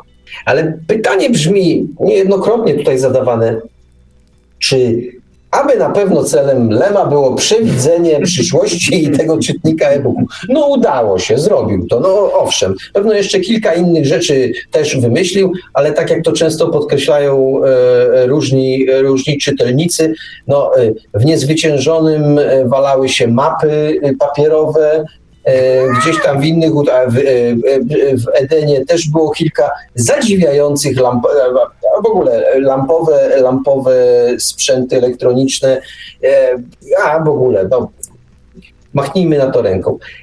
Lem przecież nie pisał po to, żeby coś przewidywać. I w ogóle pytanie, czy fantastykę się pisze naukową, pisze się po to, żeby coś przewidywać, czy, czy jednak opisać pewne zjawisko. I moim zdaniem bardzo podobnie jest z, z, z antyutopiami. I znowu ci dzwoni, Wiktorze, w tej kieszeni. Z antyutopiami jest bardzo podobnie, bo antyutopie opisują nam oczywiście jakieś takie straszne światy, które, które nas straszą jakimiś tam wielkimi cierpieniami albo, albo czymś, co, co nam zagraża, ale w gruncie rzeczy one znowu także mają pokazać nam pewne zjawisko. Pewne zjawisko, które, które jest dla nas niebezpieczne.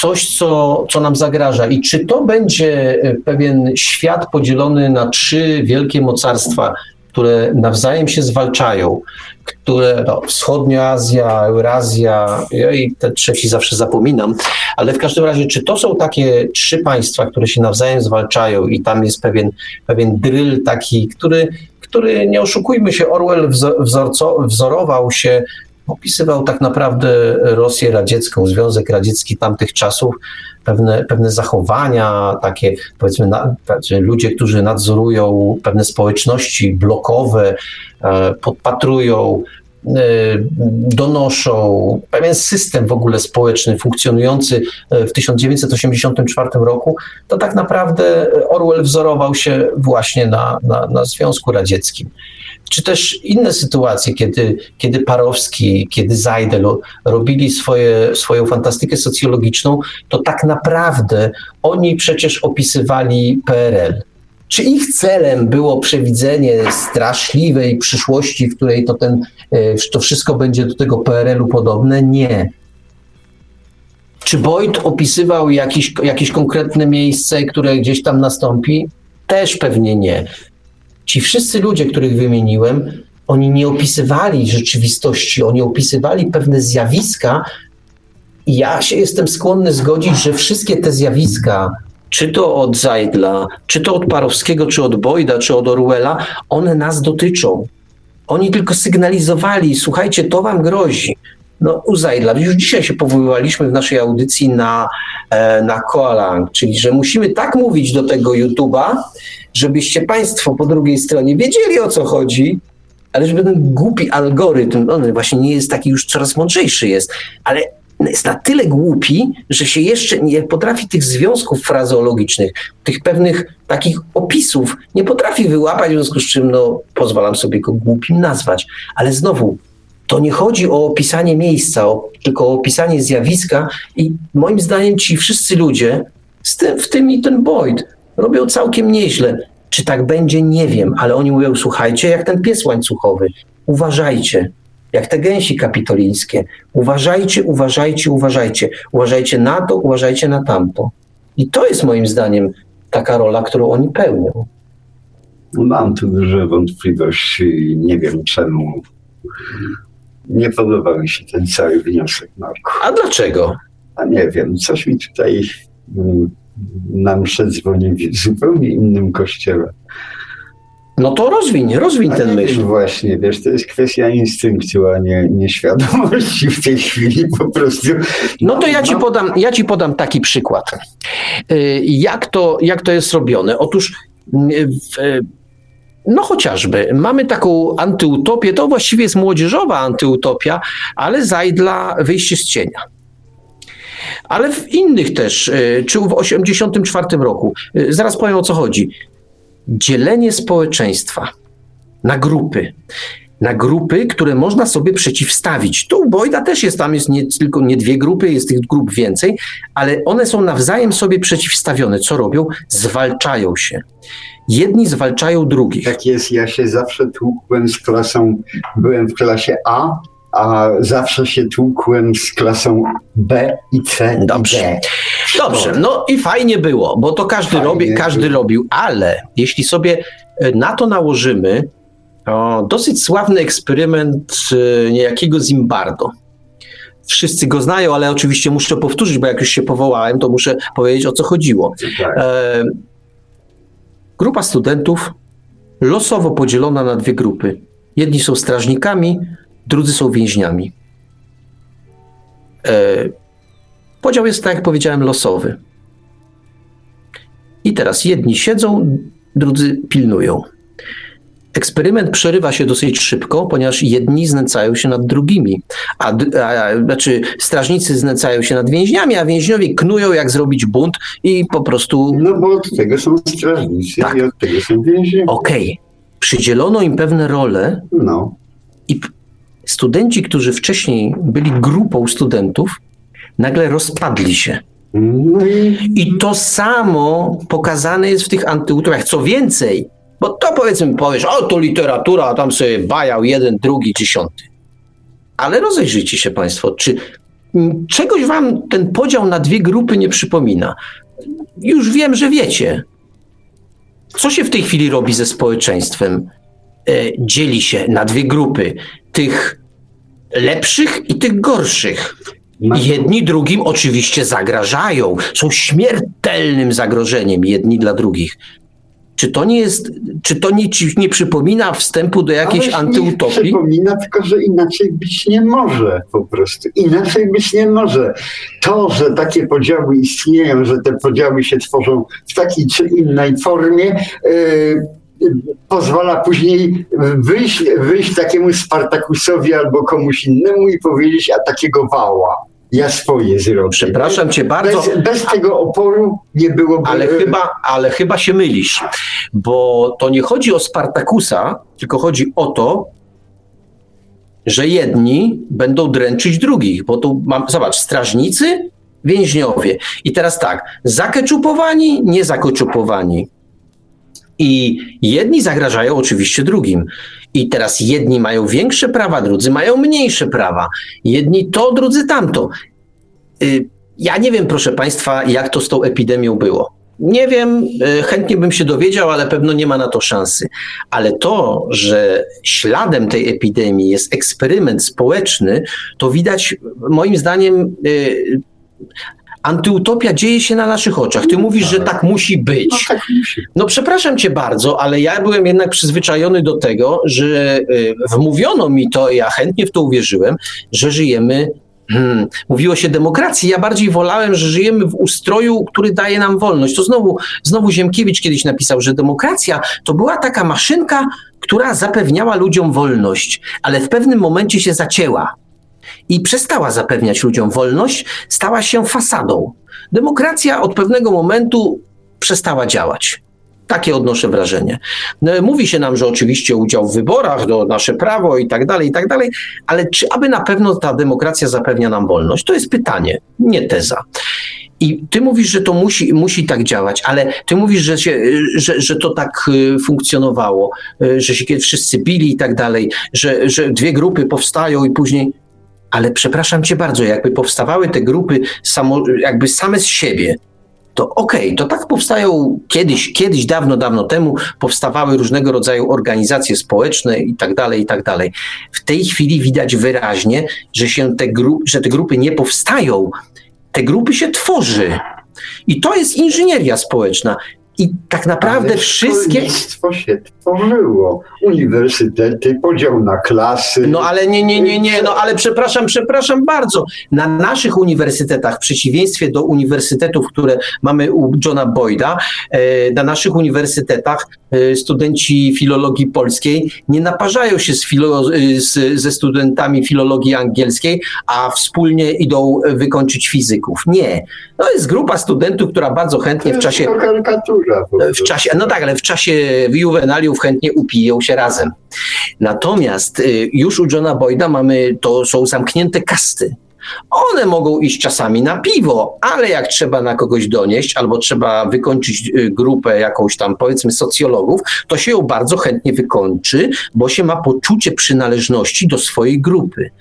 I znowu jest tak, że to, co powiedziałem, ta, ta, ta, socjo, ta, ta, ta, te działania, y, ta inżynieria społeczna, która się w tej chwili odbywa, ona tak naprawdę do czego ma doprowadzić?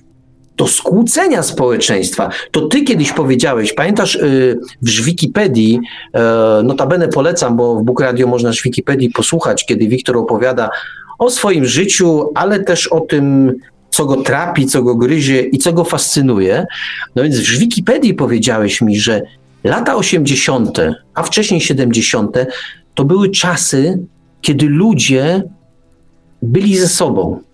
Nie nadużywajmy słowa solidarność, ale byli ze sobą.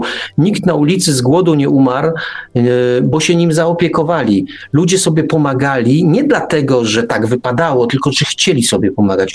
Czuli więź. Dzisiaj tego nie ma, sam to powiedziałeś. Dzisiaj tego nie ma.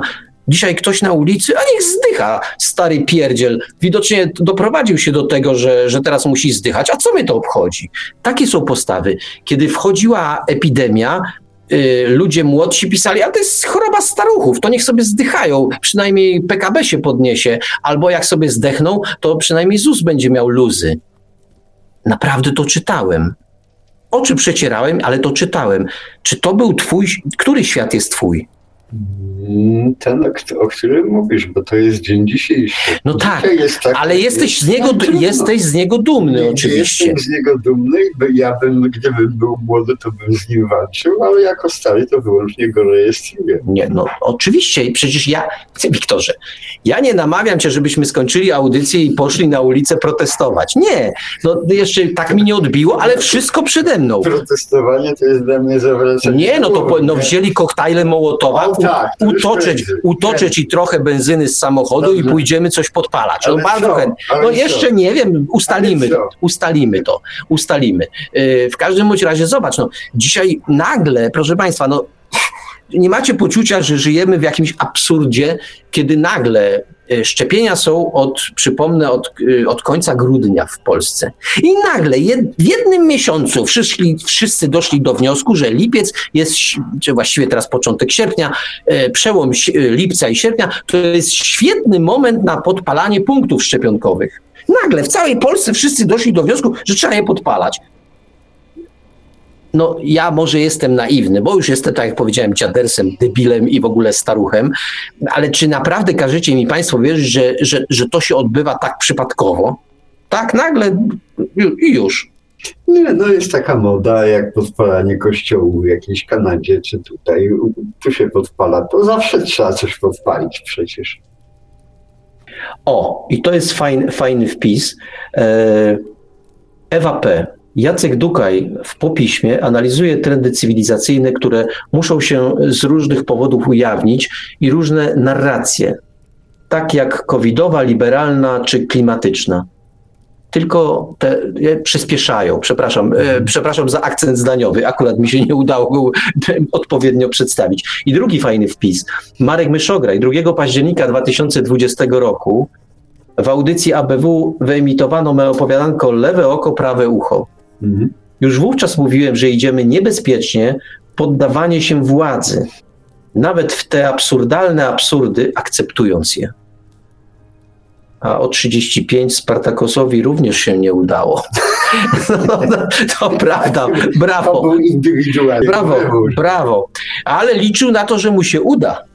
Liczył na to, że mu się uda. To nie była na początku, no, od pewnego momentu tak, ale na początku liczył na sukces. To później stała się, e, stało się e, walką e, beznadziejną. Cóż, jeszcze sobie rzucę okiem na czat. Uważaj, żeby mi nie wypadło. Marek Chmielewski. Cześć, mam tyle mądrych słów do powiedzenia, ale mam urodziny i jestem pijany. Pozdrawiam Wiktora, Marka i Marka. No cóż, przyłączamy się, y, a to ja muszę dzisiaj powiedzieć, że moja żona też ma dzisiaj urodziny, też ją pozdrawiam ale pijana nie jest.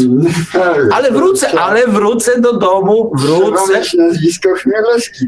Wrócę, wrócę do domu i, też, i z pijaństwem też sobie jakoś poradzę.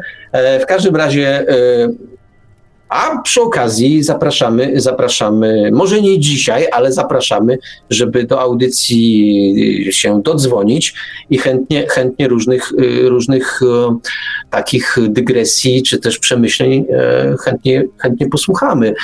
E, ja w każdym razie, Wiktorze, mm, dlatego tak chętnie podjąłem temat antyutopii, a i tego właśnie Johna Boyda, ponieważ doszedłem do wniosku, że my żyjemy w czasach przedantyutopijnych.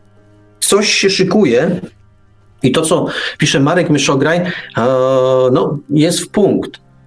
My patrzymy I przyznam się tak Państwu, ja niechętnie albo chętnie, nie wiem, e, odwołuję się do, konkretnych, do konkretów, czyli co nam grozi, bo nie wiem tego. E, natomiast tak jak Wiktor powoływał się w swoim, w pewnym momencie naszej audycji na pewne czucie, na pewne takie, takie przeczucie nawet, to mm, proszę Państwa, no chyba spora część z nas w tej chwili ma takie, takie właśnie takie sygnały od, odbiera, że coś się dzieje. Wiesz, jak idzie chmura tak z zachodu, to musi pierdolnąć. No musi, no. wcześniej czy później, ale musi. I spora część ludzi wie, że coś się dzieje, nie wie o co chodzi, bo to trudno połączyć w pewną jednolitą narrację. Ci, którzy usiłują ją przedstawić, tę narrację, e, zostają bardzo szybko ogłoszeni e, no, wariatami, powiedzmy, ludźmi, którzy coś tam gadają, jakieś teorie spiskowe szerzą, bo pewnie to, co się zdarzy nam, jeszcze nas zaskoczy. To znaczy, my y, odbieramy sygnały i mówimy, a pewno będzie to, albo pewno będzie tamto, albo będzie o wam to i to się na pewno zdarzy. A myślę, że się zdarzy coś, czego nie przewidzimy, ale to nie będzie coś, co nas uszczęśliwi, co sprawi, że będziemy radośni i w ogóle będzie nam wspaniale, tylko raczej coś, co nas pogrąży. A w dodatku, ja jeszcze przewiduję, że będzie tak, że spora część ludzkości to coś przyjmie chętnie i radośnie, bo, na, bo miłe złego początki, bo jak nam się, no tu posłużę się konkretnym przykładem, ale nie chodzi o ten przykład, bo jak się nam e, postawi, postanowi ktoś przestawić gospodarkę na bezgotówkową, że nie będzie pieniędzy, no to się to tak przedstawi, że w ogóle będzie wygodnie. No, no nie będziesz nosił, tylko będziesz rękę przykładał do czegoś, albo nogę, albo głowę, nie wiem co, i, i będziesz płacił, i będziesz płacił. I będziesz w ten sposób płacił. Ja tylko zwrócę uwagę, że owszem, to całkowicie będzie bardzo wygodne i w ogóle wspaniałe, przecudne będzie, ale wystarczy do tego dodać, że po jakimś czasie i w ogóle wszyscy będą zachwyceni nie, no może Wiesz, mniej, tak mówisz, no, czy może mniej będą, sorry, może mniej będą zawod, zawodole, zadowoleni na przykład ci, którzy lubią sobie chadzać na przykład na dziwki, bo on jej też będzie musiał bezgotówkowo zapłacić, a zatem ktoś, kto obsługuje system bezgotówkowy, będzie ale wiedział, że chodzi na dziwki, dopóki, czyli będzie wiedział o nim wszystko. Dopóki bezgotówkowo, to jeszcze pół biedy, ale pytanie, czy tak, ale pytanie, ale pytanie, pytanie, jak ta dziwka będzie miała terminal, Wiesz, e, no. my się tutaj nabijemy, ale, ale o ile w literaturze to było widać zawsze, wszystkie epoki, takie, które, które y, y, chyliły się ku upadkowi, zawsze y, przedtem wydzielały taką właśnie dziwną, dekadencką atmosferę. Wszyscy właściwie widzieli, że będzie pierwsza wojna światowa to było wisiało w powietrzu. Wszyscy wiedzieli, że będzie druga. Niektórzy się łudzili, że nie będzie. Że nie będzie ale to, to było łudzenie. Nie no, łudzili się, no, czyli tak. bardzo chcieli, żeby no, nie. No, no. Natomiast zawsze w, i w czasach napoleońskich również tak samo było. To były wszystko zawsze rzeczy, jak, jak naród, że tak powiem, mówi, że coś tąpnie, to tąpnie. No wiesz, ale ja tak, ja tak poruszam się, zostanę przy tej bezgotówkowości, aczkolwiek nie wiem, czy to w ogóle o to chodzi. O, załóż... No już mamy tą, ja, ja się będę trzymał swojego terminu, już mamy tą kulturę bezplemnikową. No dobrze, no niech to będzie, ale, ale ta bezgotówkowość, yy, ona się może wydać niektórym atrakcyjna. No będziesz, przyłożysz sobie do terminala rączkę, nóżkę, główkę i będzie ok. No tak, ja też powiedziałem. Powiedziałem, powiedziałem, powiedziałem że problem będą mieli ci, e, którzy będą chcieli doświadczać czegoś, co jest może nie zakazane, ale e, powiedzmy nie do końca, dzisiaj jest w, szarej strefie. No na przykład podałem przykład prostytucji. Ale to już jest. Ale to nie o to chodzi. Chodzi o to, nie, no jest używana w dalszym ciągu i, i wiesz, y, biznes się nie zamyka. Natomiast chodzi o to, że dzisiaj to robisz. Yy, yy, na własny rachunek, to znaczy robisz co chcesz, ale państwo się w to nie wtrąca, a tu będzie się programowo mogło wtrącać, bo będzie cię miało na widelcu. Właśnie zapłaciłeś za to albo za tamto. Kupiłeś, kup, kupujesz na przykład wódkę, Raz, drugi, to Szwecja, no to daleko nie trzeba szukać. Jak kupujesz tę wódkę za często, to się państwo zainteresuje. A dlaczego ty tę wódkę kupujesz? Może sobie ty tą wódką czyścisz ekran w komputerze, ale może ją pijesz, a jak ją pijesz tak często, to znaczy alkoholikiem jesteś. A jak jesteś alkoholikiem, to jesteś niepewny. A jak jesteś niepewny, to cię trzeba reedukować. A jak cię trzeba reedukować, no to cię odciąć od społeczeństwa trzeba. I to się może wydawać, proszę Państwa, że to jest najgorsze zagrożenie. Ja chcę pokazać, jak my, jak my nie wiemy, o co tak naprawdę chodzi. A może chodzi o coś zupełnie innego. Nie o to, żeby cię tylko i wyłącznie kontrolować. A może chodzi o to, żeby tak jak u Zajdla w Limes Inferior, e, twoją wypłatę podzielić na trzy rodzaje. Na te dobrze, zostańmy przy Zajdlu, zielone, żółte i czerwone punkty.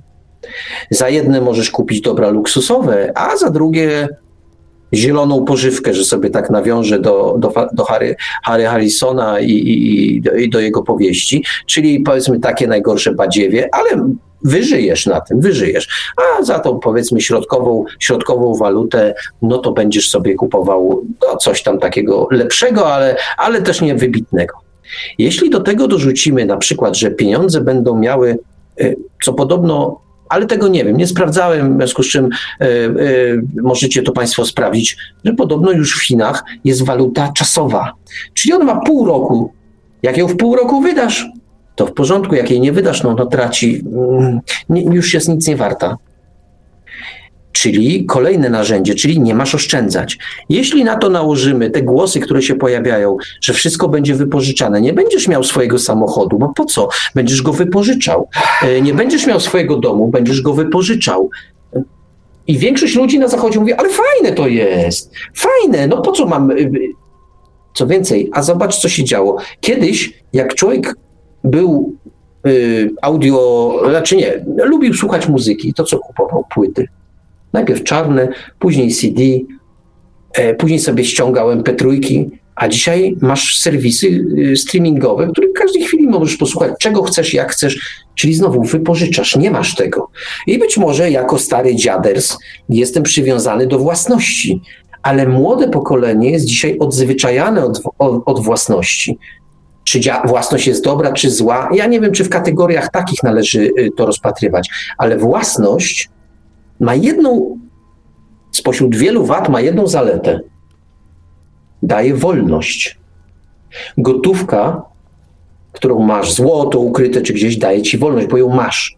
A jak gotówka staje się zapisem elektronicznym, który można kreować, albo można ci wygasić, to gdzieś z tą wolnością jest nie po drodze. Tak sobie westchnąłeś, jak to mówiłeś, jak to mówiłem, to teraz mnie skrytykuj nie skrytykuję tylko że tak powiem, to są problemy, jakie ja patrzę, że tak powiem, to tak jakbym patrzył z za Buga albo z za chińskiego muru, Marek. To są problemy, które mnie nie dotyczą, Marku. Ja mam swój problem, swojego dnia dzisiejszego. Ja przez całe no, pół życia pisałem sobie, pisałem, czytałem książki. Dzisiaj żyję w świecie, w którym nie jestem w stanie kupić książki. Ja nie jestem w stanie książki kupić. I to jest mój świat i mój problem. Ale ci jestem w stanie tę książkę dostarczyć. Co zresztą robię. Natomiast i, i, i, i to jest pewien, nie wiem czy problem, czy, czy, czy, czy brak problemu, ale jednak dostęp do książek masz. Nie, nie mam. No jak nie masz, jak masz, a co czytasz do audycji? No, no, no, ale to, to jest, że tak powiem, przymus. No, no tak, no oczywiście, znowu, znowu wyszła, wyszła ze mnie szuja oraz e, przedstawiciel total, totalitarnego, opresyjnego, opresyjnego reżimu, no to ja. Dokładnie totalitarny. Zmusiłeś mnie w ciągu ostatnich dwóch tygodni do tego, żebym poszedł się zaszczepił. Ja? No tak, ja? Ty mnie Ale ja, ja, proszę państwa, pytam, Wiktor, pojedziesz się zaszczepić? Albo powiedz, że się nie pojedziesz zaszczepić, tylko chcę wiedzieć, kiedy, czy mam cię zawieźć, to czy nie. wszystko załatwię. To ci wszystko o, załatwię. Tak. A jak nie chcesz, to ci nic nie załatwię. A teraz jest, widzisz, o. I, I tak pytam, co, co tydzień parę razy. Ale bo, a czy no powiedziałeś mi kiedyś, że nie, nie chcę się zaszczepić? No w końcu musiałem dać święty Bo ty jesteś jak ta żaba. Chciałbyś na obu się e, e, mądrzy i piękni, no to musiałeś rozkraczyć, no. Coś mi trzeszczy strasznie w głośniku. Wiadomo, co nam trzeszczy. To u mnie, u mnie mały problem z kabelkami. Rozumiem, rozumiem, bo się zaczęło zacząłem się... O, właśnie jak, jak, jak się odezwał nasz y, kochany drogi Iwelius, to jak wspomniałem przez pewien moment o Michale Aniele albo Rubensie, to, to miałem skojarzenie, że właśnie mm, Iwelius mniej więcej się zajmuje para taką samą sztuką w tej chwili. Oprawia te modelki. Cudowna robota, zupełnie jak Michał Anioł albo Rubens. Prawda? Iwelius? No, tylko, że e, Michał, Michał Anioł i, i tam inni artyści e, sprzed wieków e, dosyć dużo musieli gładzić, a ja dosyć dużo muszę klikać. Chociaż to a, też takie trochę gładzenie myszką. E, mnie się podoba to, co pisze o 35 Marek Chmielewski, bo to jest bliskie mojemu roz, roz, sposobowi rozumowania, ale to jest sposób rozumowania charakterystyczny dla naszej części Europy, bo tu piszą, no jako przykład, e, a co, kiedyś ludzie rozliczali się muszlami, później kawałkami metalu, wołami, e, bo pekunia non olet, ale rozliczali się czymś a nie zapisem elektronicznym. Ta muszelka, ta, e, ta papier, na którym wydrukowany jest banknot, też nie ma wartości e, bardzo często tego, e, tego który no, ten, jest nadrukowany. A ten, a ten impuls elektroniczny też nie ma wartości. Ale no, wiesz co, ja, żeby ci zabrać no. gotówkę, to ja muszę wpaść do twojego mieszkania i ci ją zabrać. A impuls elektroniczny mogę ci skasować. No to po pierwsze. Może. Ale bardziej mi się podobało to, co później napisali panowie. E, napisali o tym, że e, burdele i dziwki jakoś sobie zawsze z tym rozliczeniem poradzą, tylko ja bym. Wiem, że sobie poradzą, bo ten interes zawsze kwitł i będzie kwitł, tylko zastanawiam się, jak sobie poradzą. Czym się będą wymieniać? Czy, czy na przykład y, jak nie będzie gotówki, to co on będzie przynosił do tego, y, do, do tego burdello bum bum? Mm, nie wiem. To nie ty masz właśnie na ten pomysł. No to ja wiem, ale to jest, ale ciekawość mnie zżera. Jak sobie, bo że sobie poradzą, to ja jestem tego, tego dziwnie pewien, że zawsze, zawsze istniał czarny rynek. No nie wiem, fakt, że Polacy byli mistrzami i są mistrzami w pędzeniu bimbru. Może się będzie bimbrem płaciło w burdello bum bum. No, ty koniecznie potrzebujesz przedmiotu, rzeczy, którą się będzie płacić. Ale się, a no, to a się czy... nie będzie płacić tym, tylko się będzie płacić... E, no słucham. E, no e, tym, że jesteś posłuszny. Nie, nie, my się nie rozumiemy, Wiktorze. Społeczeństwu. Ale jakiemu? Ale, ale co ta dziwka będzie z tego miała? Nie wiem, ona, ona będzie miała no, za darmo wszystko.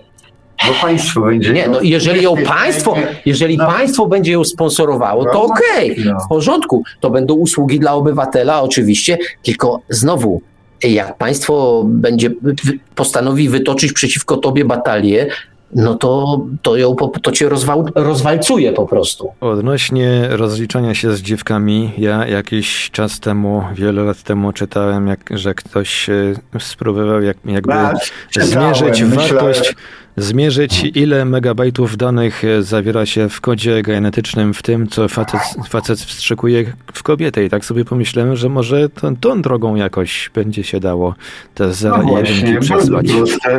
No. No tak, to wszystko oczywiście tak, tylko y, rozważmy sobie, że są też utrzymankowie, jak oni będą wynagradzani.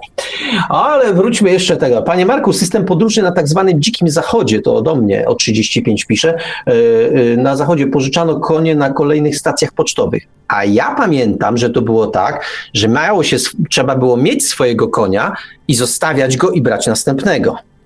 Czyli gdzieś ta własność jednak istniała, ale nie jestem, nie jestem specjalistą od dzikiego nie, nie, zachodu. Bo, e, nie, bo w ten sam sposób się pożyczało, mm, przejeżdżało z Europy już w naszych współczesnych czasach, wsiadało się w samochód do wypożyczalni i potem się wymieniało samochody jadąc przez całe Stany. Nie, można było... A nie, muszę, nie, nie, nie trzeba było mieć własnego samochodu. Znowu jest kwestia wyboru. Ja cały czas do tego, szanowni państwo, ja do tego prowadzę. Ja nie jestem przeciwnikiem, żeby coś pożyczać. Pod warunkiem, że to nie jest obligatoryjne. Jak chcę sobie kurna wypożyczyć samochód, to sobie go wypożyczam i w porządku. Ale jak chcę go mieć, to chcę go mieć. Natomiast jak ktoś za mnie decyduje, że ja go nie mam mieć, tylko mam go pożyczyć, to to już jest początek czegoś, co mi mocno śmierdzi. No, ale po co masz mieć? Ale ty mi nie trzeba, możesz mieć. Ale ty to mi... z punktu widzenia społecznego za społeczną. No. To wiesz, bo to, co? Bo, bo, bo wiesz, że tak, jak masz w ogródku swoją altankę. No. Jesteś stary dziadel po prostu. Jestem stary dziadel, ale ja to pod...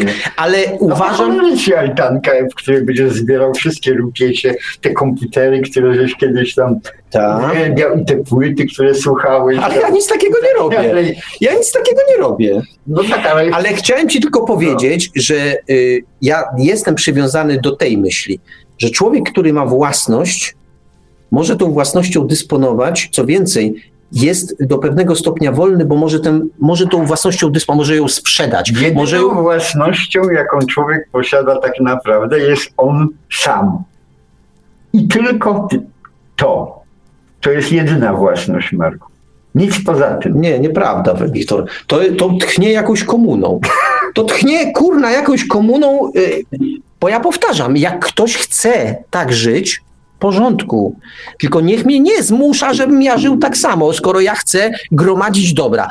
Może jestem. No, ale jeśli głosowanie było za tym, żeby, żebyś wszyscy. Ale nie było. Ale A będzie. gdzie było? No może będzie, albo gdzie było? musi być. Bo... Ale no właśnie, no. wiesz co, bo to jest w ogóle y, wmówienie ludziom y, w pewnej fikcji, fikcji demokracji. Bo mówi się demokracja, demokracja, to w ogóle większość głosuje i tak dalej. Jaka kurna większość głosuje? Proszę Państwa, gdybyśmy dzisiaj zapytali y, w Polsce, bo nie wiem jak jest na Zachodzie, ale w Polsce, y, czy społeczeństwo jest za karą śmierci, to co, jaka byłaby odpowiedź? Ponad 50% byłoby za karą śmierci. Ale problem polega na tym, że się o to ludzi nie pyta, bo już zdecydowano mądrzejsi, bardziej doświadczeni, no, etyczni, etyczni, zdecydowali, że kara śmierci jest zła. Oni to wiedzą. Oni nie dyskutują. Ja mam po prostu, ja jestem chory, jak słyszę o ludziach, którzy wiedzą i nie muszą dyskutować. Ja dostaję gorączki, bo jestem przyzwyczajony do dyskursu można dyskutować o tych sprawach. Nie dyskutuje się po to, żeby kogoś przekonać, tylko po to, żeby wymienić pewne myśli i być może z czasem dojdę do wniosku, że to może ty masz rację, a nie ja, ale ja muszę, to musi we mnie dojrzeć. Po to się dyskutuje. Jeżeli ja słyszę, tak jak powiedziałeś, że pewnych pytań się nie zadaje, bo już mądrzejsi, y, bardziej doświadczeni zdecydowali, że tak jest dobrze, i takich pytań jak o karę śmierci jest znacznie więcej w naszym społeczeństwie i mnie drażni to, że są zawsze, znajdą się ludzie, którzy wiedzą lepiej. I oni już zdecydowali i tych pytań się nie zadaje. I to jest, i, i dlatego jestem taki... Wiem, Marku, ale zawsze się znajdzie parę czarnych owiec i przegłosuje jakiś Brexit na przykład. No, no i przegłosuje. O, o 35 pisze. No tak, no dobrze, panie Marku, pewnie nikt panu nie zabroni mieć samochodu, ale pewnie nie będzie pan nim, można nim jeździć po drogach i będzie pan mógł ten samochód, nie, i, i, będzie pan mógł ten samochód sprzedać.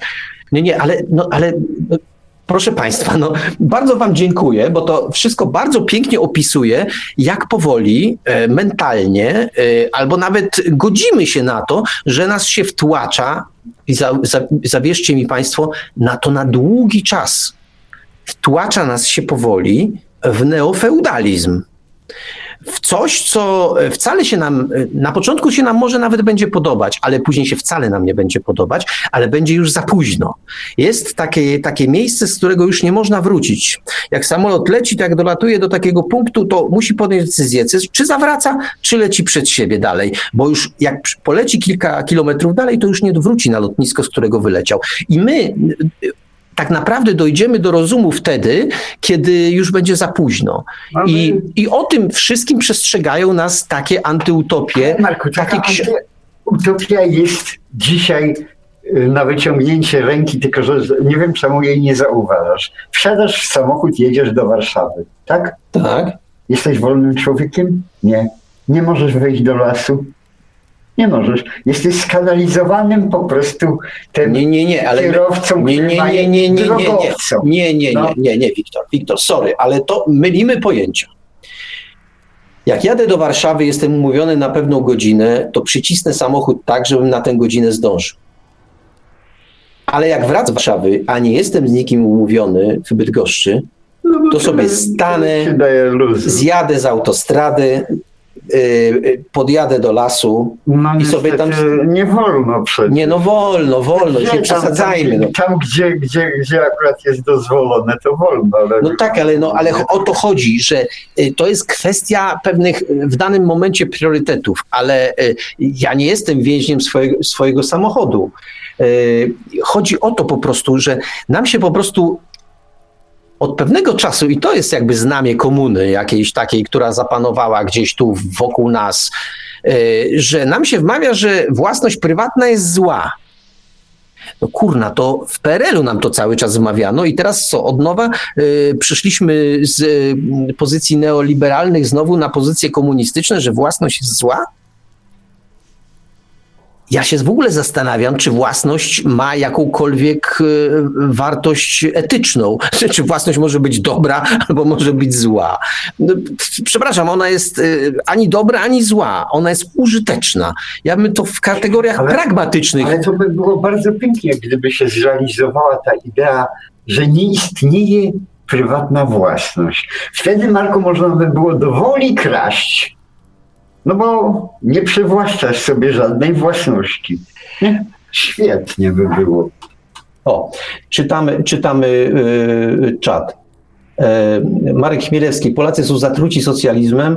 Yy, to o jakiej demokracji można mówić, o jakiej własności? Tu się zgadzam. O 35. Panie Marku, we wzorcowej demokracji ateńskiej również, większo również większość głosowała, ale uprawnionych, czyli 10% społeczeństwa. Ale przepraszam bardzo, ale to była demokracja tak rozumiana i tamci, y, y, te pozostała część, to nie byli obywatele. Dziś my nie patrzmy na demokrację ateńską z naszego punktu widzenia, z, naszego, e, z naszych pozycji, z naszego rozumienia świata, bo z naszego punktu widzenia to nie było absolutnie. zawsze tak, tak. Ale też wiecie Państwo, to co. I, to jest tak, że wmówiono ludziom, że demokracja im się należy z racji tego, że się urodzili. I demokracja nie rodzi odpowiedzialności, czyli każdy może robić co chce.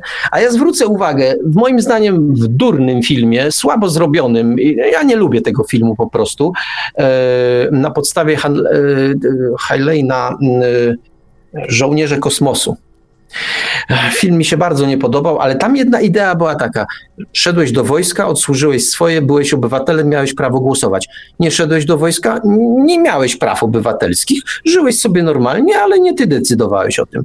To oczywiście jest ogromne uproszczenie, no nie do tego prowadzę, ale chodzi o to, że demokracja jak jest bez, y, bez żadnej odpowiedzialności, po prostu należy ci się z racji tego, że się urodziłeś, no to ona się dewalu, dewaluuje, tak jak się wszystko dewaluuje, co jest bez wartości.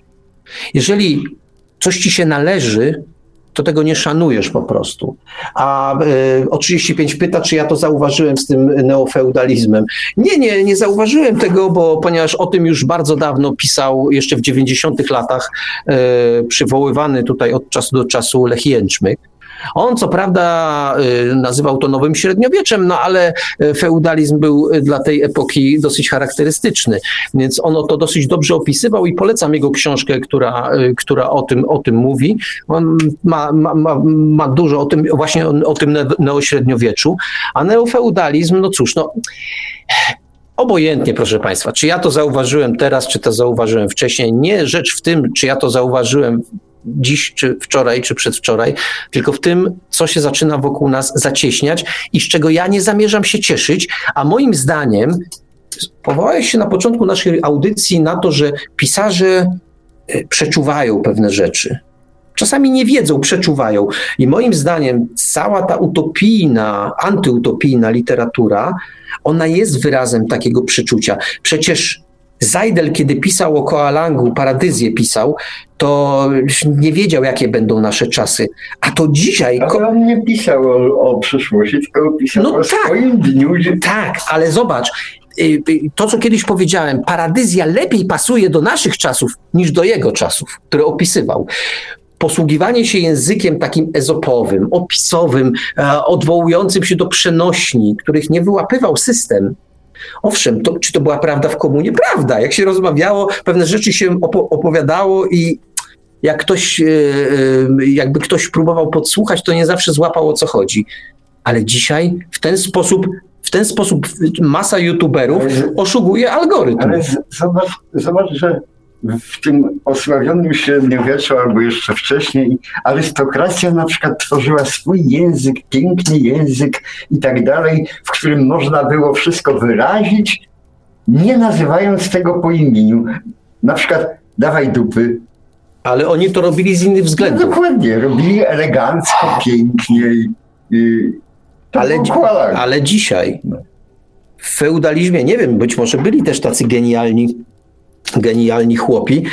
Jakby chłop do chłopa powiedział, słuchaj, zaciukajmy tego swojego pana, to ktoś mógłby donieść. Ale jakby on, byli wcześniej umówieni gdzieś tam i powiedział, a może byśmy zrobili naszemu panu kuku? No to może by się ktoś nie wiedział, o co, co z tym kuku chodzi. No. O, to, o coś takiego. I dzisiaj mamy do czynienia z bardzo podobnymi rzeczami. Jest wysyp w tej chwili na YouTubie różnych przenośni odwołujących się do tego, co, co nas spotkało w zeszłym roku, do, do zarazy, y, do, do ukłuć, do, do, do tym podobnych. To, są, to jest rozmaicie używane. Dlaczego? No bo algorytm, algorytm. My żyjemy w ogóle w świecie, w którym rządzi algorytm. Tak, to jest w ogóle chore. Tak, Marku, tylko że pojawia się tutaj problem tak zwanych kukaczy, bo ludzie zbyt długo kukając stają się po prostu kukułkami, po prostu nie nazywanie rzeczy po imieniu yy, tworzy po prostu pewną subkulturę kukułek po prostu. E, o 35. Wcale nie daje wolności. O 35 pisze, że polityka, yy, znaczy nie, wcześniej Marek Myszograj yy, pisze w ten sposób. O, Marek, yy, tak, zgadzam się. Neofeudalizm to jest to, co czeka ludzkość. Polityka samoograniczenia e, jest tego między innymi dowodem. Tylko my, jako stare dziady, jesteśmy piątkami dla systemu. System szlifuje młode pokolenie. Zgadzam się. I dalej o 35 słusznie założyła. Polityka samoograniczania nie jest neofeudalizmem, nie myl pojęć. No bo troszkę jest, troszkę Marek Myszograj chciał, robił zbyt duży skrót myślowy bo rzecz nie polega na samoograniczaniu, tylko na wmówieniu ludziom, że się muszą ograniczać, a to już nie jest samoograniczanie. Wmawianie ludziom pewnych rzeczy, że tego nie wolno, tego nie wolno, no bo klimat, no bo ludzkość, no bo coś tam, no to jest wmawianie ludziom, więc trudno mówić o samo, samoograniczeniu. Nie wiem, ja tutaj... Marek Chmielewski, jeszcze tylko zacytuję, e, Zajdel prorok. Pewnie.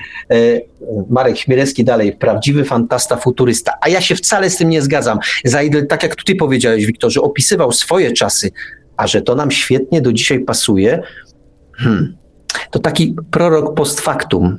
Po prostu jakby... Ha, Kiedyś było takie powiedzenie: nowe idzie, stare jedzie. To I coś takiego nas spotkało, wiesz, że stare jedzie. Wiesz, ale y, ja, że tak powiem, puentując tą całą audycję, mogę dodawać tylko właściwie jedną rzecz. Ja sam osobiście uważam y, czasy feudalizmu czasy y, średniowiecza, od wczesnego średniowiecza aż do oświecenia i tego najwspanialszym okresem w dziejach y, kultury europejskiej przynajmniej. Jeśli teraz będzie nowe, to znaczy, że będzie pięknie. Wiesz co, to wymagałoby chyba dyskusji dłuższej niż, niż przewidziane są ramy naszej audycji, e, bo w tym jest coś, co warto uwzględnić. Średniowiecze było, e, jak wszystko, niejednoznaczne, bo to my jesteśmy przyzwyczajeni do tego, że mroki średniowiecza, prymityw i tak dalej. No, tylko Państwu przypomnę, że e, to w średniowieczu ukształtował się współczesny system sądownictwa, obojętnie czemu służył, ale y, to, że reprezentowane są strony, jest obrona, jest prokurator, jest sędzia, to mniej więcej w średniowieczu. Co więcej, nauka. W tym średniowieczu, który, które, to nie należy tego podważać, paliło naukowców ówczesnych, czy tych pra, pra, prenaukowców, y, paliło na stosie, to jednak y, system nauki, y, formułowania teorii, bad, teorii badawczych i tak dalej, i tak dalej, też się ukształtował w średniowieczu i tu kto, kto nie, nie słyszał, nie pamięta, e, radzę sobie wygooglać albo znaleźć szkołę w Chartres, która była, to od tego się y, gdzieś tam zaczynało. E, więc ten, to średniowiecze było niejednoznaczne, a z drugiej strony był, był feudalizm i przywiązanie chłopa do ziemi. E, I tak jak tutaj o 30, ja się bardzo często z o 35 zgadzam, to się dzisiaj raz nie zgodzę, bo o 35 pisze, że druga era przecież też w sumie była neofeudalizmem. I tu się nie zgadzam. Dlaczego? Nie był to oczywiście ustrój idealny i e, sporo było syfu, jak to jeszcze nazwiemy, to obojętnie. Natomiast neofeudalizm polega na tym, na pańszczyźnie, na tym, na przywiązaniu wtedy chłopa do ziemi. Dzisiaj pewnym przywiązaniu do miejsca, czy geograficznie, czy do pewnych, do pewnych, y, do pewnych struktur, w które będziemy wtopieni i się już z nich nie wyrwiemy. Natomiast druga Rzeczpospolita, oczywiście y, sprowadzała niektórych ludzi, niektórych y, członków społeczeństwa do roli takiego no, bardziej rozwiniętego bydła. To szczególnie w niektórych regionach kraju tak, tak się to odbywało. Ale jednak, jak ktoś bardzo chciał, to się mógł z tego wyrwać. Jeszcze nie było zakazu, bo to na tym rzecz polega, że e, pewnym nawet wysiłkiem z tej niesprawiedliwości można się, można się było wyrwać. To było bardzo trudne i bardzo nie, znaczy nieczęsto się udawało, to sobie od razu to powiedzmy, ale była przynajmniej furtka, czy też furteczka. E, feudalizm tę furteczkę domyka, ale nie tylko ją domyka, on ją zaspawa. I będziemy wtedy tkwili w jednym miejscu, już się z niego nie ruszymy, bo taka była istota tego e, przywiązania chłopa do ziemi tak, i tego, że się nie mógł z tego ruszyć. Feudalnie e, nastąpił ten proces, to się, to się nie pojawiło, nikt tego nie zaprojektował. E, feudalizmu? Tak, nikt tego nie zaprojektował. No, do tego zmierzały dzieje. Po mm, wiesz co, tak, ale skąd się wziął? Przecież nie, on się tak sam nie uląkł na kamieniu. Były jednostki, które były właścicielami i co, do czego dążyły? Były, były obrzydliwie, były jednostki obrzydliwie bogate, ale co chciały? Chciały być jeszcze bogatsze. No, zwróćcie Państwo uwagę, opisuję współczesność. Chciały być jeszcze bogatsze. A jak tę jeszcze bogatszość mogły sobie wytworzyć? Zatrudniając to ludzkie bydło, żeby pracowało na nich. Czy Państwu to coś przypomina? Bo mnie tak. Całą rewolucję przemysłową. Nie, nie. Ale dzisiaj mamy sytuację taką, no, nie będę przytaczał, bo nie mam w tej chwili danych twardych przed sobą, ale ile, ilu ludzi na świecie dysponuje y, tą gro, y, trzyma w swoich rękach gro majątku. I to wystarczy za to, czy, czy przypadkowo w ten neofeudalizm nie jesteśmy wpędzani. Ale co z tego, Proszę że... Państwa, ja tego nie wiem. Poczekaj Marku, no? ale co z tego, że on ma 90% yy, całego yy, światowego ktoś tam. To znaczy... Tak więcej ode mnie nie zje, nie, nie, nie. ani nie wyciupcia, to chodzi... ani nic, ani nie wypije nic. Po pierwsze, no jak będzie chciał, to będzie jak Rzymianin. Jadł i żygał, jadł i żygał. Tak, bo go będzie stać, bo go będzie stać, bo go będzie stać. A ty nie. Ty będziesz zjadał i uczciwie trawił i uważał, żeby ci się nie ulało. Dalej, a propos tego, co mówiłeś później z ciupcianiem, on sobie zapewni takie suplementy diety i takie tam wspomaganie, że ty będziesz mógł pomarzyć o tej, o tej potencji. Na przykład. I tak dalej. No, nie chcę brnąć. Ja znam takich ludzi, im się szybko odechciewało i stawali się no, właściwie no i to im się zachce seksu jeszcze bardziej perwersyjnego. Na przykład z mordowaniem kogoś, albo no nie wiem, nie, nie wiem jakimi ścieżkami chadza, chadza e, ten rodzaj aktywności. W każdym bądź razie chodzi mi o to, że y, moim zdaniem to się dzieje, dzieje na naszych oczach i y, ale okej, okay. wiesz co, nie ma co bić tej piany, bo będziemy o tym neofeudalizmie jeszcze gadać, gadać, gadać. Ja poczekam, aż się, aż się ta sławna książka mm, w tej chwili na zachodzie, która wyszła właśnie o neofeudalizmie, ukaże i wtedy ją ściągniemy do bibliotekarium i ją omówimy. Natomiast w tej chwili wypadałoby zakończyć, bo powiedziałem na początku audycji, że najpierw się skupimy na tej części e, utop, neo, znaczy tej e, antyutopijnej, dystopijnej e, ostatniego statku z planety Ziemia, e, bo to w nim było najważniejsze i to, jak widzę, zresztą wywołało sporą dyskusję, która może nie, nie zawsze ocierała się o, o, o powieść Boyda, ale jednak szła tymi tropami, no, jednak społeczeństwa w jakiś sposób zamkniętego. No to y, powiedziałem o tym, że y, przy całej, y, przy tym, że ta książka była dobrą namiastką 1984 roku, y, a wydana w 79, no ona jednak sygnalizowała pewne problemy i tu chwała Jęczmykowi, że się tym, że się tym po prostu zajął i że, że taką namiastkę nam dał. Natomiast ta powieść, tak jak powiedziałem, ona się w pewnym momencie, główny bohater zostaje skazany i jest przenoszony na piekło. Wspomniałem, że to planeta, która sobie krąży tam het, het. I tu się zaczyna już jazda całkiem właściwie z punktu widzenia takich rzecz w napędzie, bo na tą odległą bardzo planetę, która gdzieś jest tam ho, ho, bardzo, bardzo daleko, tam jest specjalny napęd, który powoduje, że są zaburzenia w czasie i przestrzeni. Te zaburzenia czasu i przestrzeni są bardzo potrzebne autorowi. Dlaczego? Ponieważ jak główny bohater tam trafia, to się okazuje, że ta planeta jest inna niż sobie pomyśleli, niż wszyscy myśleli na Ziemi, ponieważ ci piloci, którzy przylatują tam na, ten, na, na, na tę planetę piekło, ciepło, oni trafiają tam zawsze w zimie. Kiedy jest zimno, tak jak w zimie, zimno, szaro, buro i w ogóle nieciekawie, a później odlatują. A wtedy planeta, ponieważ ona krąży, krąży, po bardzo wydłużonej orbicie, znaczy takiej eliptycznej, ale bardzo wydłużonej, w związku z tym i jak ona, i oni przylatują, kiedy ona jest najdalej od Słońca miejscowego, a jak sobie przy, przy, jakby przylatuje bliżej, przy, przy nadciąga bliżej, to się robi wiosna, jest w ogóle fajnie. I w ogóle planeta jest dosyć rozrywkowa. Ja nie będę wchodził w szczegóły, no bo kto ciekawy, to przeczyta. A powiem tak, i później się y, pojawia coś takiego, że ten nowy świat, który tam zastajemy, ten świat wolności, i to jest pewna przewrotność, za którą częściowo Bojda cenię, bo on zwraca uwagę, że ten nowy świat na planecie piekło który się wydaje dla tego człowieka wyrwanego z antyutopii oazą wolności, i to będzie gorzkie, co za chwilę powiem, nie jest fajny. Jest rzeczywiście uosobieniem wolności, ale wcale mi się nie podobał. Ja nie będę wchodził w szczegóły, mówię, poczytajcie Państwo, wcale nie był dla mnie atrakcyjny, chociaż ludzie się tam czuli wolni.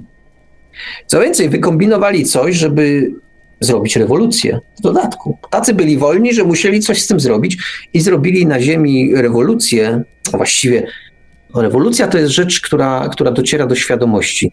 Oni po prostu przekonstruowali że dzieje ziemi. Ten napęd był do tego potrzebny, a nasz bohater, żeby tak już zupełnie nie spoilerować stał się Żydem wiecznym tułaczem. Ale jak to wszystko powiązać w pewną całość, no to już musicie Państwo poczytać, poczytać książkę Boyda.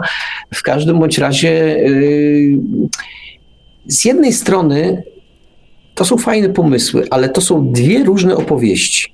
Przyznaję, że jeszcze ten motyw, kiedy ze świata zniewolonego przychodzimy do świata wolności i ten świat jest w gruncie rzeczy gorzki. Jest tak wolny, że Hmm. Że każdy sobie rzepkę skrobie. To jest pokazanie przez Boyda, że wolność nie oznacza anarchii. Nie musi, znaczy, gdzieś się czasami ociera o anarchię i też o, nie o to w wolności chodzi.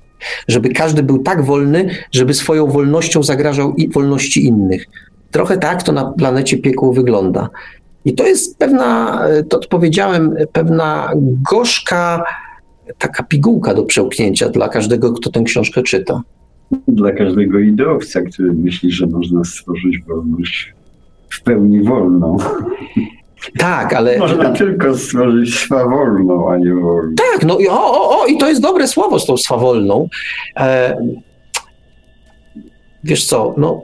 Książka, książka Boyda, y, ja tak jak powiedziałem, ja miałem bardzo mieszane uczucia, kiedy ją przeczytałem. E, I jak ją odłożyłem, powiedziałem sobie, e, tak się zestarzała, że ciężko będzie mi ją polecać. Ale ona już we mnie teraz y, przeleżała się już z dwa miesiące, ta książka w mojej głowie. I powiem tak, już zmieniło mi się trochę zdanie. Mm, ta książka się zestarzała, to podtrzymuję, ale w niej jest kilka takich momentów, e, które, dla których warto tę książkę przeczytać. Skrzywić się, powiedzieć, eee, starość, a później zostać tą książką z tymi przemyśleniami, być może z tym naszym gadaniem, które, którym dzisiaj Państwa zamęczamy tutaj, e, mówiąc ciągle o dystopii i utopii, ale może warto to sobie przemyśleć. Ja zacytuję znowu z, z portalu Lubimy Czytać. Bardzo to oddaje, to co przeczytam za chwilę, stan, stan mojego myślenia. Otóż Ina 71 trzy lata temu napisała: O kurczę, czytam sobie spokojnie o utopijnym, no moim zdaniem y, antyutopijnym, dystopijnym, ale no tutaj pewien, pewien błąd w terminologii, utopijnym świecie, y, który jak to zwykle bywa, wcale nie jest cudownym miejscem. Emocje, a szczególnie miłość, nie są tam mile widziane. Dwoje ludzi z dwóch różnych klas zakochuje się w sobie, mimo że takie międzyklasowe romanse są przestępstwem przeciwko państwu.